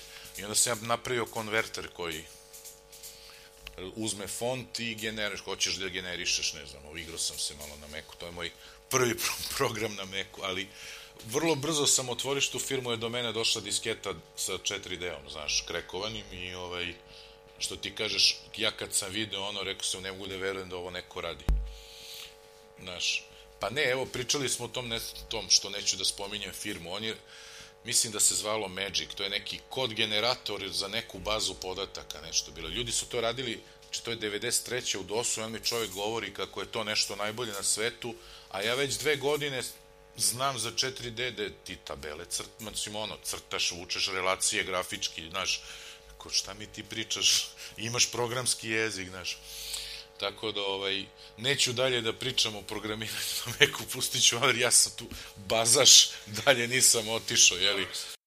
Ovde ćemo da zastanemo i da napravimo pauzu od 7 dana. Nastavak ćete slušati u sledećoj epizodi pošto smo snimili e, preko 3,5 sata materijala, e, rešili smo da epizodu podelimo u dva dela, tako da ćete u sledećoj epizodi čuti nešto o tome kako, kako Milke radi na Pathfinderu, e, šta se dogodilo i imali, imali ikakvih novosti o Springi u njegovom arhiveru koji je radio za Meka, o tome koje knjige volimo i koje bih knjige, programerske knjige preporučili, početnicima i o tome kakva je budućnost ove naše profesije uz mnogo, mnogo osvrta na, na mnoge druge stvari. Sad su na redu zahvalnice i prvo ćemo se zahvaliti našem gostu koji je bio u, na snimanju sa mnom u Grčkoj, Vladi Veljkoviću, zato što nam je doneo ova dva komada Blue Yeti mikrofona ovaj, na kojima smo snimili ovaj podcast, a zatim slede one standardne zahvalnice Vladimir Tošić koji je autor naše uvodne muzike, Aleksandra Ilkić, Ilić Ilkica, autor našeg logotipa i Saša Montilja, moj prijatelj, koji je ovaj autor svih slika uh, koje krase našu artwork naših epizoda. Toliko za ovaj put, čujemo se za nedelju dana.